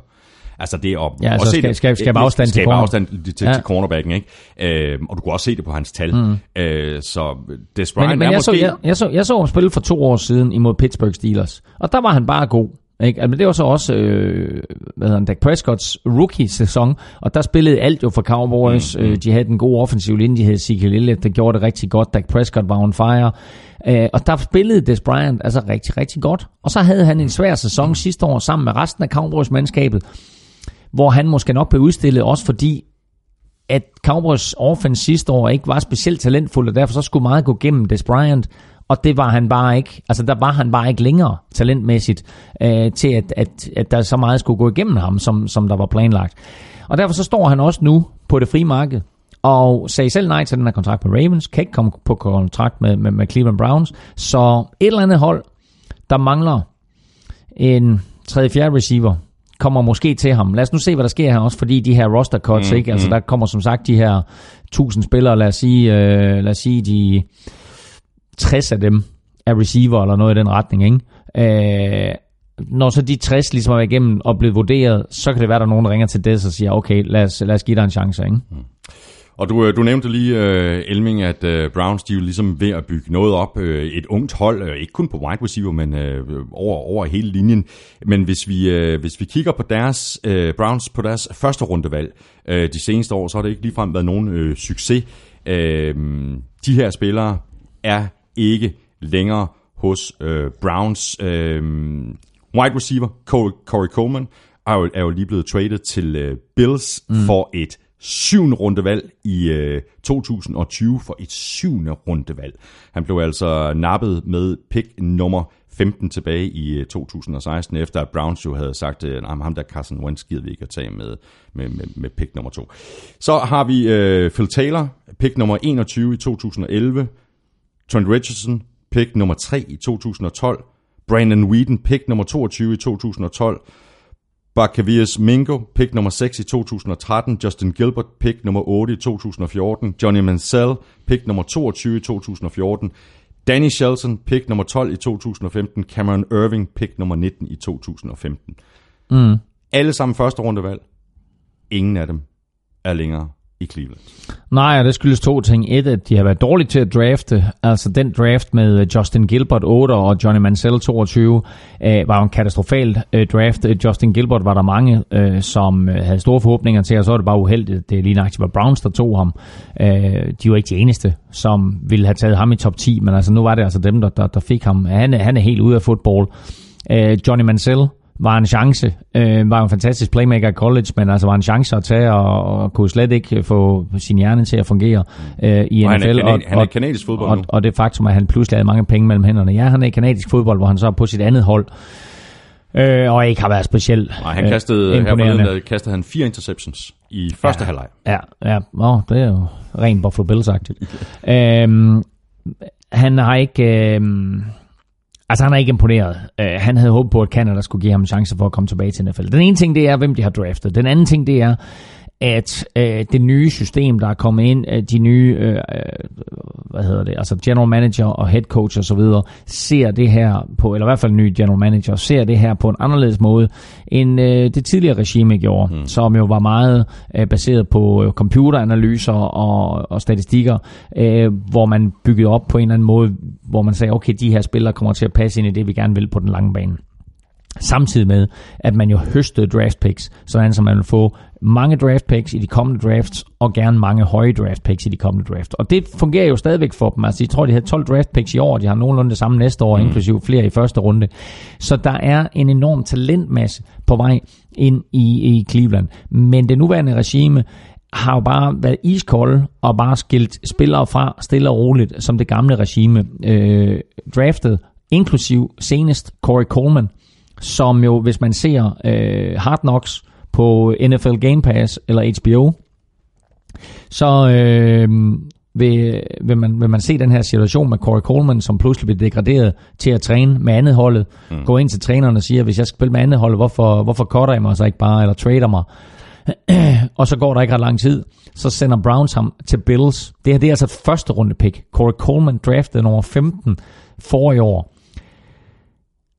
Altså, så der trader de ham til Buffalo Bills for et syvende runde pick i 2020. Mm. Altså, det kunne lige så godt sige til Det Buffalo, er det samme som ingenting, vi ikke bare har ham. de kunne lige så godt sagt til Buffalo, hey, de der, de der Buffalo Wings, jeg har deroppe, kan I ikke sende et par, kan I ikke bare sende, sende, sende et par skåle ned af dem til os? øh, og lad os få noget af det der blue cheese dressing også. Ikke? Altså, det, det, det, det er mere eller mindre der. Et syvende runde pick. Ikke til næste år, men i 2020. Det er fuldstændig ligegyldigt. Det er det, ene, det Det eneste, der er, det er, at de slipper af med ham, og de slipper af med hans kontrakt. Han var på en rookie-kontrakt, ikke? og det er også de der omkring, hvad skal jeg gætte på, 8 millioner dollars for fire år. Nu får Bills en receiver ind, som potentielt stadigvæk har noget talent, og de får muligheden for øh, at holde ham i systemet for øh, forholdsvis få penge, og de overtager også den her 50 year option, hvis det er sådan, at, at han viser sig at slå igennem læste jeg jo den uh, historie her den anden dag uh, om, at uh, Bud Lights, uh, de har uh, enten allerede gjort det, eller de vil i hvert fald gøre det, sæt... Altså ølsel, ølselskab ja, ja, Budweiser. Bu- Ja, Bud Light, ikke? Ja. Vil sætte uh, såkaldte victory fridges, altså uh, sejrskøleskabe op forskellige steder i Cleveland, og de her køleskabe, de bliver så åbnet når Browns de vinder deres første kamp, og så er der sådan ligesom gratis øl til Er det rigtigt? Ja, det er ikke, det er ikke meget sjovt. Elming, øh, vi skal også tale lidt, øh, lidt Hall of Fame. Øh, 2018-klassen blev officielt fejret ved en øh, ceremoni den øh, 4. august. Navnene var Brian Dawkins, Ray Lewis, Randy Moss, Terrell Owens, Brian Urlacher, Robert Brazil, Jerry Kramer og Bobby Bethard. Ja. Uh, vi kommer selvfølgelig til at tale uh, Terrell Owens, fordi det er lidt en, en speciel historie. Han, han dukkede mm. jo ikke op, men uh, hvad, hvis vi bare lige skal, skal runde de her navne. Jamen altså, de, de øverste fem. Uh, Brian Dawkins, uh, safety for Eagles, øh, var jo en uh, force på banen, uh, og uh, var en spiller, som modstanderne frygtede, og som var god til både at få sine holdkammerater, men også tilskuerne med. Vi kender alle sammen, øh, Ray Lewis kommer vi jo tilbage til, vi alle kender alle sammen Ray Lewis' måde at komme ind på en bane på. Brian Dawkins havde jo det samme. Der blev præsenteret 10 forsvarsspillere, og så blev Brian Dawkins introduceret, fordi han kom ind på en eller anden, altså som øh, nogle gange som, som sådan en, en, en savlende hund, andre gange lidt Ray Lewis-agtigt, men altid med en eller anden form for, for vi gør, og et eller andet, der kunne få tilskuerne op og ringe, og alle tilskuerne sad bare og ventede på, at han kom ind. Og når han så var på banen, så de her 60 minutter, øh, hvor han spillede, der var han jo altid øh, der, hvor bolden var, enten ja. han skulle takle, eller han skulle intercepte, eller hvad den nu var, fremragende safety. Øh, lad mig lige prøve at se listen der. Så var der... Ray Lewis. Ja, så er der Ray Lewis. Hvad skal vi sige om Ja. Ray Lewis? Altså Fantastisk spiller. Ja, ja, og en af de bedste linebackers i NFL's historie, selvfølgelig. Øhm, Og vi har en anden linebacker, Brian Urlacher. Brian Urlacher øh, altså er nok den af de fem, som jeg er mest overrasket over. Selvfølgelig kommer Brian Urlacher ind øh, på Chicago Bears hold, som har stolte linebacker-traditioner. Masser af store linebackers igennem tiden. Øh, Dick Butkus vil de fleste måske huske, hvis det, eller nej, ikke huske, men måske kende til, fordi han spillede øh, trods alt i 70'erne. Mike Singletary var den store linebacker i 80'erne, og så kom øh, Brian Urlacher ind og øh, blev den næste store linebacker. Spændende at se nu, hvad der sker med Roquan Smith, ja. som øh, Bears har draftet, om, om han kan leve op til de her tre andre store. Men altså, Brian Urlacher var god. Han var mm. safety i college, som blev gjort til linebacker i NFL, og øh, stor, stærk her der, alle vegne havde måske fire-fem virkelig, virkelig gode sæsoner for Bears, for han måske nok var den bedste linebacker i NFL. Øhm, og sådan en, øh, hvis jeg skal sammenligne ham med en spiller, vi kender nu, så er det Luke Kuechly. Fordi Luke Kuechly også er over hele banen. Hvis, hvis der skal takles, så er det ham, der takler det er sidelinje til sidelinje, men han er også god til at droppe tilbage og lave interceptions, mm. og det kan, øh, eller kunne, Brian Urlacher også.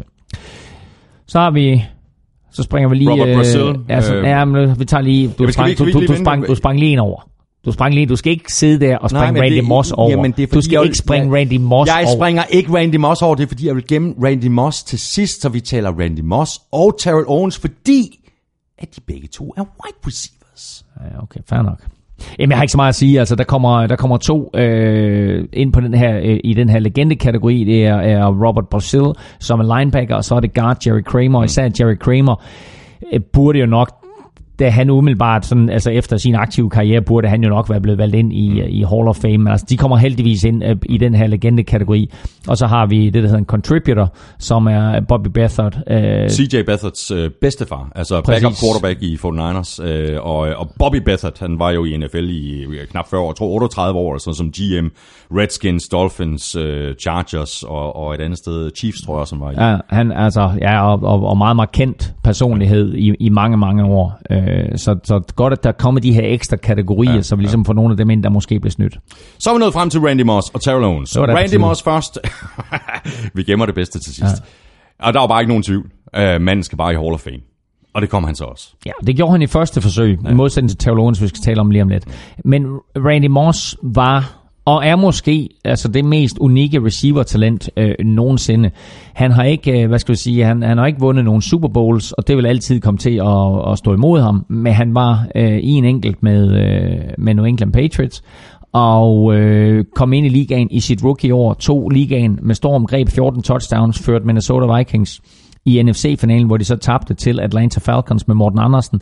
Og øh, derfra, der ren øh, sejrsmæssigt, kom han ikke op på samme niveau, før han nåede til, til Patriots. Men altså satte touchdown-rekord sammen med Tom Brady, og øh, satte et hav af andre rekorder. Og jeg mener, han er den øh, tredje mest scorende receiver øh, i NFL's historie.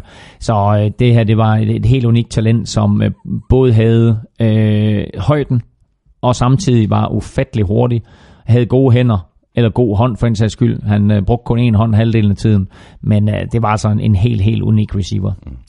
Og så lad os bare tale øh, Terrell Owens. Han var, han var jo ikke øh, fremme med den her ceremoni. Han blev væk. Han, han boykottede øh, skidtet. Øh, helt tydeligt, at, øh, at manden stadigvæk er indebrændt over, at han ikke kom ind i første hug. Hvilket jeg også synes er en fejl. Uh, og det er det største, spørgsmålstegn, jeg har ved Hall of Fame, at det ikke bare er meritterne på banen. Fordi altså, hvis det bare var, var, var det, mm. han har lavet på banen, så var der ikke nogen tvivl. Så, mm. Terrell Owens, uh, velkommen indenfor. Ja. Her er din byste. Ja. Men der skulle altså gå tre år, før at, at der om sider var flertal øh, blandt de her, øh, der, der sidder og, og vurderer og stemmer ja eller nej til, om spillere de skal ind. Ja, og man kan sammenligne det lidt med Lawrence Taylor-situationen. Altså, øh, måske den bedste outside linebacker, der nogensinde har været i NFL's historie, og i hvert fald mand, der revolutionerede outside linebacker-positionen. Han øh, røg i øh, nogle coke-problemer øh, efter karrieren, øh, og øh, var rimelig udtalt om, omkring det også, fordi han røg ind og ud af, er ikke ind og ud af fængsler, men i hvert fald var lidt i klammeri med loven, og var ind og ud af, af sådan nogle rehab-centre og så videre. Øh, og øh, der var der altså mange NFL, der sagde, at det er jo ikke det signal, vi ønsker at sende med en Hall of Famer, at vi her har et, et problembarn. Øh, men Lawrence Taylor var så god en spiller på banen, at de heldigvis valgte ham ind, fordi man må også bare erkende, at det, der sker på banen, øh, gør også, at der sker nogle ting uden for banen, som, som nogle af de her spillere, øh, nogle af dem under karrieren, men mange af dem efter karrieren, har svært ved at håndtere. Og det kan være både, at, det er sådan, at, øh, at der er øh, nogle smerter, det er sådan, de skal dulme. Det kan også være, at der er hele det her adrenalin-rush, som de savner på en eller anden måde, de skal dulme. Og det kan også være, at der er det her CTE, altså de her hjerneskader, som vi har set, som altså får dem til at agere på en, på en øh, lettere uhensigtsmæssig måde i forhold til den måde, som, som samfundet ellers er konstrueret på. Øh, men heldigvis så valgte de Lawrence Taylor ind. Det skete ikke med, med Terrell Owens, og det er jo ikke fordi, at han har været i klammeri med loven, eller han har haft øh, øh, problemer med, med, med stoffer eller noget i den retning. Men han havde så mange kontroverser i omklædningsrummene. Og, øh, Og i forhold til pressen. Og, og, og, og tog fra hold til hold til sidst i sin karriere. Og uanset hvor han kom hen, jamen, så var der jo ingen tvivl om, at de spillere, som han spillede sammen med, elskede det, han kunne på banen, men måske nok havde og til dels frygtede øh, den måde, han adskilte et omklædningsrum på.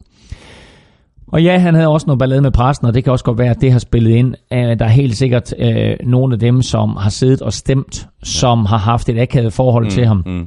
Og derfor så blev han ikke stemt ind. Og i forhold til de spillemæssige kvaliteter, han havde, og i forhold til det, han leverede på banen, han vandt jo heller aldrig en Super Bowl.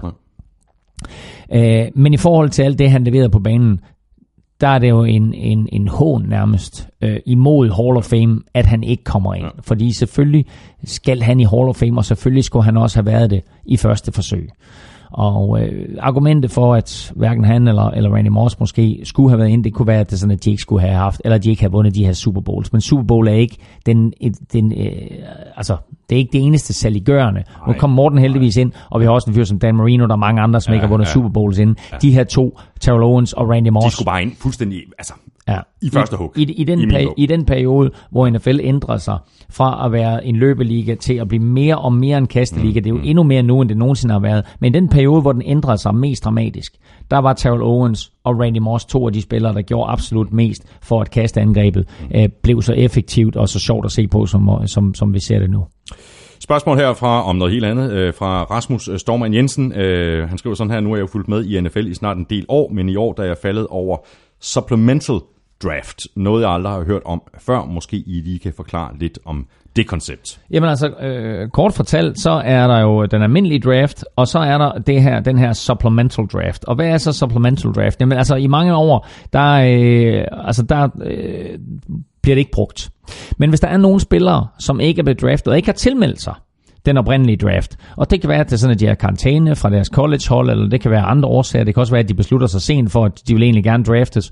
Øh, så kan de tilmelde sig den her supplemental draft. Og i modsætning til den normale draft, hvor man fuldstændig kender rækkefølgen, så er supplemental draft en, øh, sådan en, en, øh, en lukket draft, hvor hold de øh, i en konvolut siger, godt, vi vil godt give så og så meget for ham. Vi vil give øh, for eksempel tredje runde valg øh, i næste års draft. Præcis. Det er så det, deres øh, draft pick, og så øh, det kommer i en lukket konvolut, og så er der et andet hold, der siger, jamen øh, vi vil faktisk godt også give vores tredje rundevalg. og det var så pick nummer 3, og det andet hold, det var pick nummer 7, og så er det altså det højeste øh, Ja, og præcis. bud, der, Og- der, der, der får spilleren. Og i og med, at man jo ikke kender næste års draft picks, så er det det indeværende år, man mm. går efter. Sådan så var, var Cleveland Browns kommet med en konvolut og sagt, at vi vil godt give tredje runde pick til næste år. Så så man om, hvor drafter de hen i år? Jamen de drafter et år, okay, så er det klart, de mm. får ham. Mm. Men så bliver det her pick altså taget fra dem til næste år. Så der kom, øh, der kom to spillere ind øh, i år, og øh, den ene var en cornerback til øh, New York Giants. Det gav de et øh, tredje runde draft pick for til næste år, Sam Beal. Og de håbede egentlig på Giants, at han allerede i år skulle tilføje det her forsvar noget ekstra øh, tyngde og dybde på cornerbackpladsen. Han bliver altså skadet i en af de første træningslejre og er ude for sæsonen. Så øh, Sam Beal kom ind, men vi får ham altså ikke at se mm. før til næste år, så han kan godt have ventet til næste år med at blive draftet. Og den anden, det er også et NFC East-hold, nemlig Washington Redskins, som øh, også draftede en cornerback, Adonis Alexander, men ham fik de altså for et 6. runde draft pick. Mm. Så det er ikke sikkert, at der er andre faktisk end Redskins, der har afgivet en konvolut på Adonis Alexander. Det kan godt være, nogen, der har du ved, smidt ind og så sagt, man vil godt give et 7. runde pick for ham. Men altså, han var ikke lige så højt vurderet mm. som, øh, som Sam Beal. Så øh, Sam Beal, altså, et, et, og det er ret højt, jo faktisk ikke et 3. runde pick, som, som Giants vælger at satse på ham. Mm. Og så har med Adonis Alexander, som jeg er lidt i tvivl om, hvornår vi får at se. Josh Gordon, han blev, øh, han blev samlet op i supplemental draft. Og det, og det var godt set Ja. ja. af Cleveland. Det er en af de få gode ting, som, som Cleveland de gjorde, det var, da de, da de fik fat i, i Josh Gordon. Mm.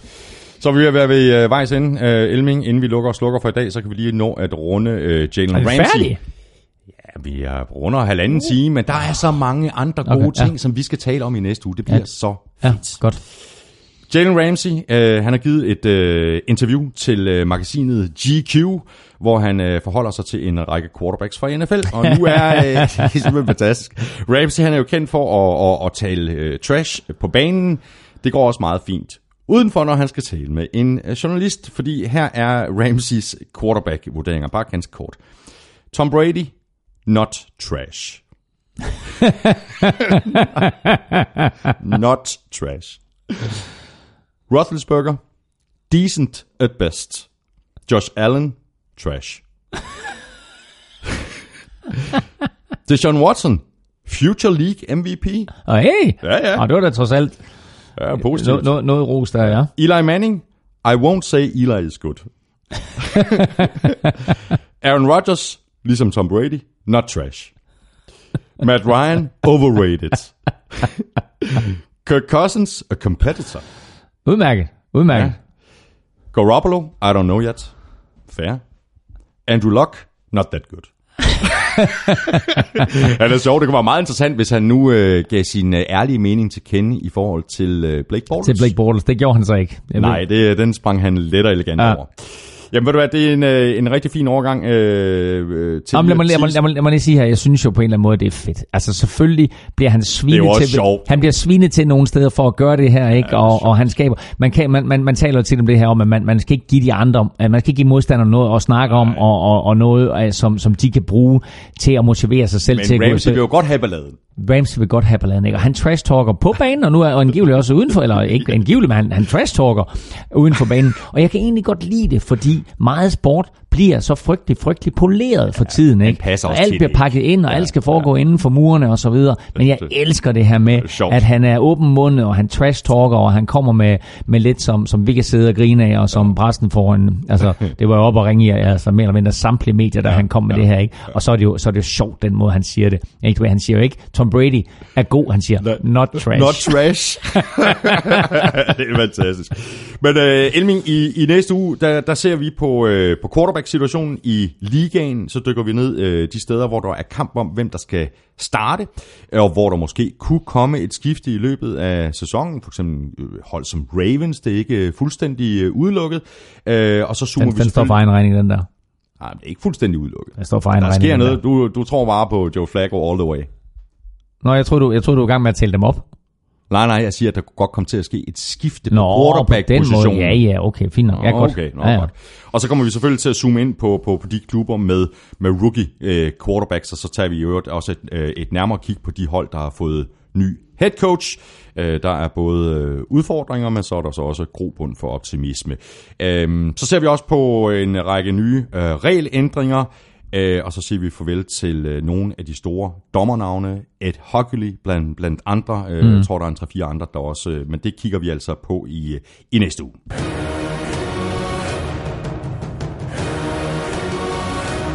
Plus en hulens masse andet. Øhm, odds på danske spil. Betting tips. Hvad siger du til det, Claus Helming? Jeg vil bare lige sige, gå lige ind og tjek. Øh, Danske Spil har lagt deres site om øh, her i, i... Jeg har i, simpelthen modtaget så mange beskeder, både på Ja. sms og på, på e-mail de seneste par uger, ikke? Så, men nu er, nu, er det så, nu er det så sket, Danske Spil har lagt deres site om, og øh, der er, jeg ved ikke om, om det er fordi, de har lagt deres site om, men der er i hvert fald en hulens masse lækre NFL-odds allerede. Øh, jeg er lidt tvivl om, du kan spille på preseason-kampene nu her. De har i hvert fald et punkt, der hedder preseason-kampe, men hold dig fra de der preseason-kampe, de er umulige. øh, Og forudsige, ja, altså præcis. Men du kan allerede nu, der kan du spille på, på første spilleuge, og øh, lidt afhængig af det, det der med Atlanta, øh, Philadelphia, om de spiller Nick Foles eller de spiller Carson Wentz, der kunne jeg faktisk godt se, at man gik ind og spillede lidt på, øh, på øh, Atlanta Falcons. Øh, oddsene lige nu hedder Philadelphia 1,47 på hjemmebane, Falcons 2,85. Wow. Ikke? Altså, og er det Nick Foles, der starter, Ja. så synes jeg faktisk, at Atlanta Falcons de pludselig bliver favoritter. Mm. Så Og, og 2,85. Falcons er altså ikke noget dårligt hold. Nej, og vi skal lige lægge mærke til, at Falcons stod med fire downs på 5 linjen ja. i slutspillet sidste år, mm. hvor de ikke fik den ind. Mm. Havde de vundet den kamp, så var Eagles ikke kommet i Super Bowl. Nej. Altså, så, så altså, af naturlige årsager havde Eagles været slået ud. Ikke? Mm. Æh, så det her, det bliver en rematch. Og øh, Kæft, hvor jeg glæder mig til den kamp, mand. ja, det bliver, det bliver fedt. Det er, om, det, er, det om 14 dage. Det var egentlig ikke en af, mine, en af mine anbefalinger her, fordi det, jeg gør i dag, det er, at jeg kigger på det, der hedder over og under. Og der er en masse over under spil derinde af alle mulige forskellige slags. Blandt andet kan du spille på, hvilke quarterbacks, der kaster over eller under for et antal yards, hvilke running backs, der løber over eller under for et antal yards. Øh, du kan også spille, øh, hvilke hold, der vinder over under antal kampe. Og her er de her over og under, som jeg har valgt som spiltips for den kommende sæson. Hvor mange yards kaster Aaron Rodgers, vil du gætte på? Bare et, et, et løst skud. Ej, jeg ved ikke. Hvad, hvad, hvad er over under? Jamen, jeg spørger dig, fordi det er derfor, jeg synes, det her det er et godt, det her det er et godt tip. Hvad kaster han sidste, hvor han spillede en fuld sæson? Ej, det, kan, det er, blank. Kom, nej. Ej, det er fandme pinligt, det der. der prøv at høre, hvis vi skal lave det her hver uge fra nu Så skal jeg være du, klar blive- til at du skal komme med- skarpere. Nå, jeg har, altså Aaron Rodgers' over-under ligger på 4.150. Nå, Ja, det er okay. Og der siger jeg bare, han kaster mere end det. Aaron Rodgers kommer til at kaste for mere end 4.150. Det er der odds 1,85 på. Er du enig? Du er i tvivl. Øh, jeg er faktisk lidt i tvivl. Ja. Ja. Øh, lige præcis med hensyn til quarterbacks og, og så videre. Jeg troede, jeg troede faktisk, at det over ville, ville ligge en lille smule lavere. Ja. Ja. Hvis nu den mand bare sidder ude en eller to uger. Ja, ja. Det er set før, ikke? Jo jo, men prøv at det satser vi ikke på. Altså, vi satser på, at han spiller hele vejen igennem. Og øh, altså, vi kan ikke begynde... Altså, de her under er også sat til, at en spiller spiller 16 kampe. Det er fuldstændig altså, hvis, hvis, vi Ja, skal vælge, selvfølgelig. hvis vi skal vælge nogle odds her, så skal vi ikke til at, at sidde og sige på, øh, jamen, de, de, de spiller ham ikke i spil uge 17, for der er det allerede i, mm. i slutspillet. Mm. Ezekiel Elliott løber over eller under 1450 yards.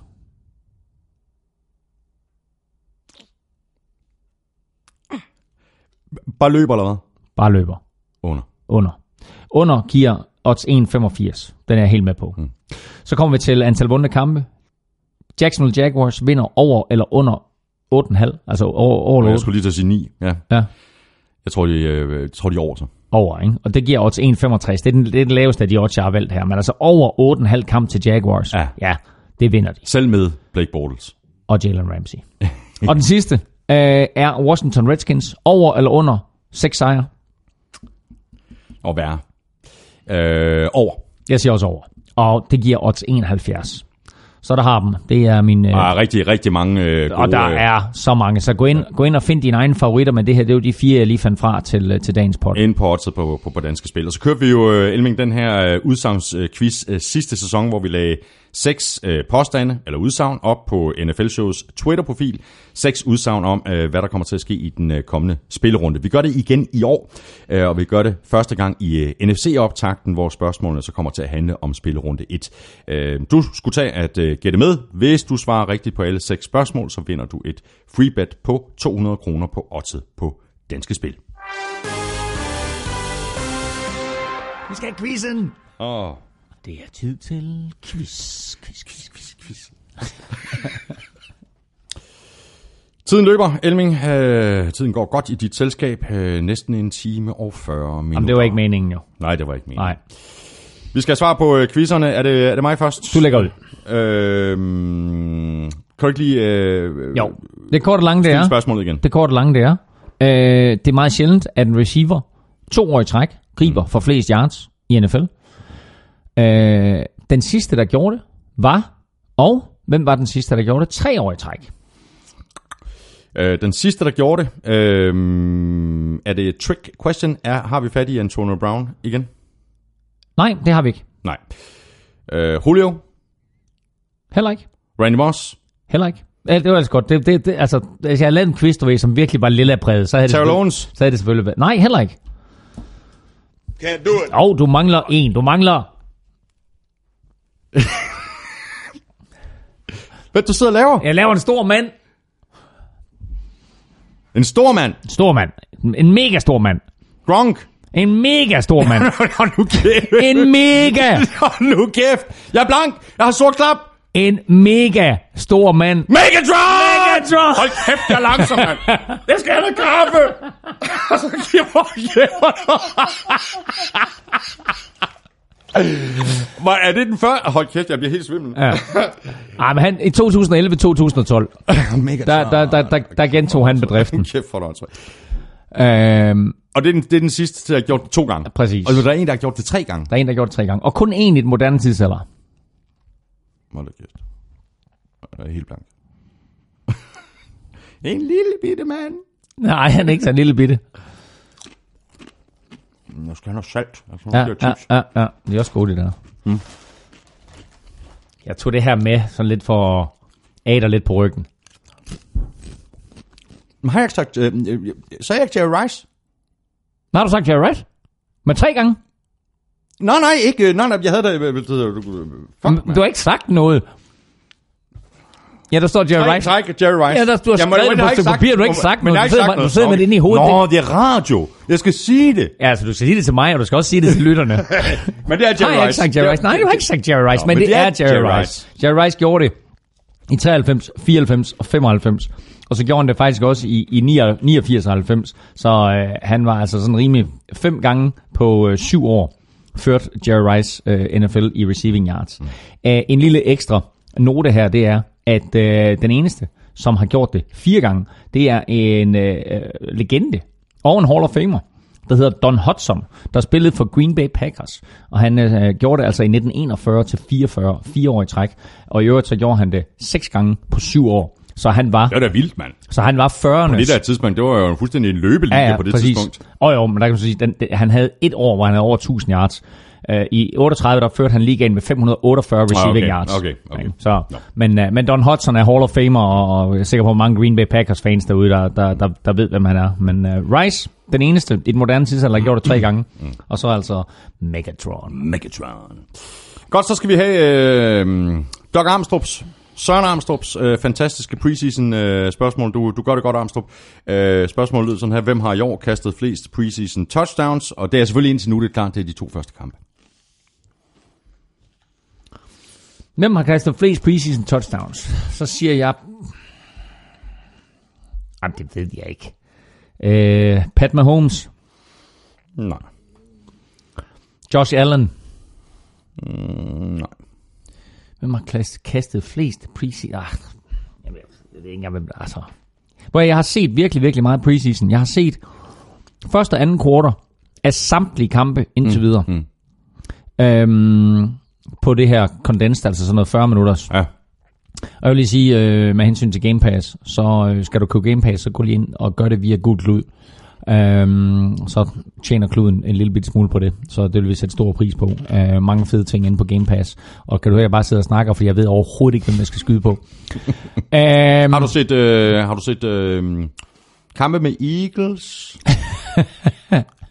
har jeg set kamp med Eagles? Er, er det Nick Foles? Nej. Altså, jeg ved det ikke. Hvem er Nate Sutfeldt. jeg bare, prøv, Han har kastet fem styk. Det, han er det nye sort. Jeg, Nej. kan godt, jeg kan godt sige. Nej, og jeg vil bare sige, jeg vil bare sige til Doc Amstrup, at det er en fucking lortequiz. Og han skal lade være med at stille sig noget. Jeg vil have en quiz i næste uge, der ikke har noget med preseason at gøre. Jamen, det kan vi lige tale om Armstrong øh, bagom, ikke? Nå, men øh, det er jo altså fem, fem touchdowns øh, fra Nate Sotfeldt, og så tre spillere har tre. Det er Chase Daniel fra Bears, Joshua Dobbs fra Steelers og Chad Kelly fra Nej, det er Broncos. sjovt, du siger Chad Kelly, fordi ham vil jeg faktisk have bragt på banen. Det er Carl Sainz, har du skrevet ned på et stykke papir, eller Det har jeg det? Ellers gælder det ikke. jamen, jeg kan ikke skrive, for jeg sidder med chip i begge hænder. Tak for det, Elming. Det har, været, det har været godt. Det har været en sand fornøjelse at tale øh, fodbold med dig igen. Nu glæder vi, bare, øh, nu glæder vi os bare til, at øh, sæsonen den bliver sparket i gang. Øhm, stor tak øh, også til vores sponsorer og gode venner fra Tafel og Odds på Danske Spil. Støt dem, de støtter os. Og tak til dig selvfølgelig, fordi du lyttede med. Hvis du synes om det, du har hørt, så stik os øh, en anmeldelse og eventuelt fem stjerner i iTunes. Anbefal os til alle dine venner og din mor. Og hvis du har lyst til at støtte os, så kan du gøre det med et øh, valgfrit beløb på tier.dk eller via det link, der ligger øverst på nflshowet.dk. Du vælger selv, hvor meget du donerer, hver gang vi uploader en ny podcast. Og hvis du kører sur i det på et øh, tidspunkt, jamen, så kan du bare melde fra igen. Du binder dig ikke til noget. Tak for nu. Vi høres ved. NFL-showet er produceret af Kvartrup Media, der også producerer den politiske podcast Born Unplugged. Fætter Henrik og jeg er klar med mere dansk politik på fredag, og Claus og jeg er tilbage næste onsdag med en ny omgang fodbold. Følg os på Twitter på snablag NFL-showet. Følg Elming på snablag NFLming. Mig kan du følge på snablag Thomas Kvartrup. Ha' det godt så længe. Hot Hots.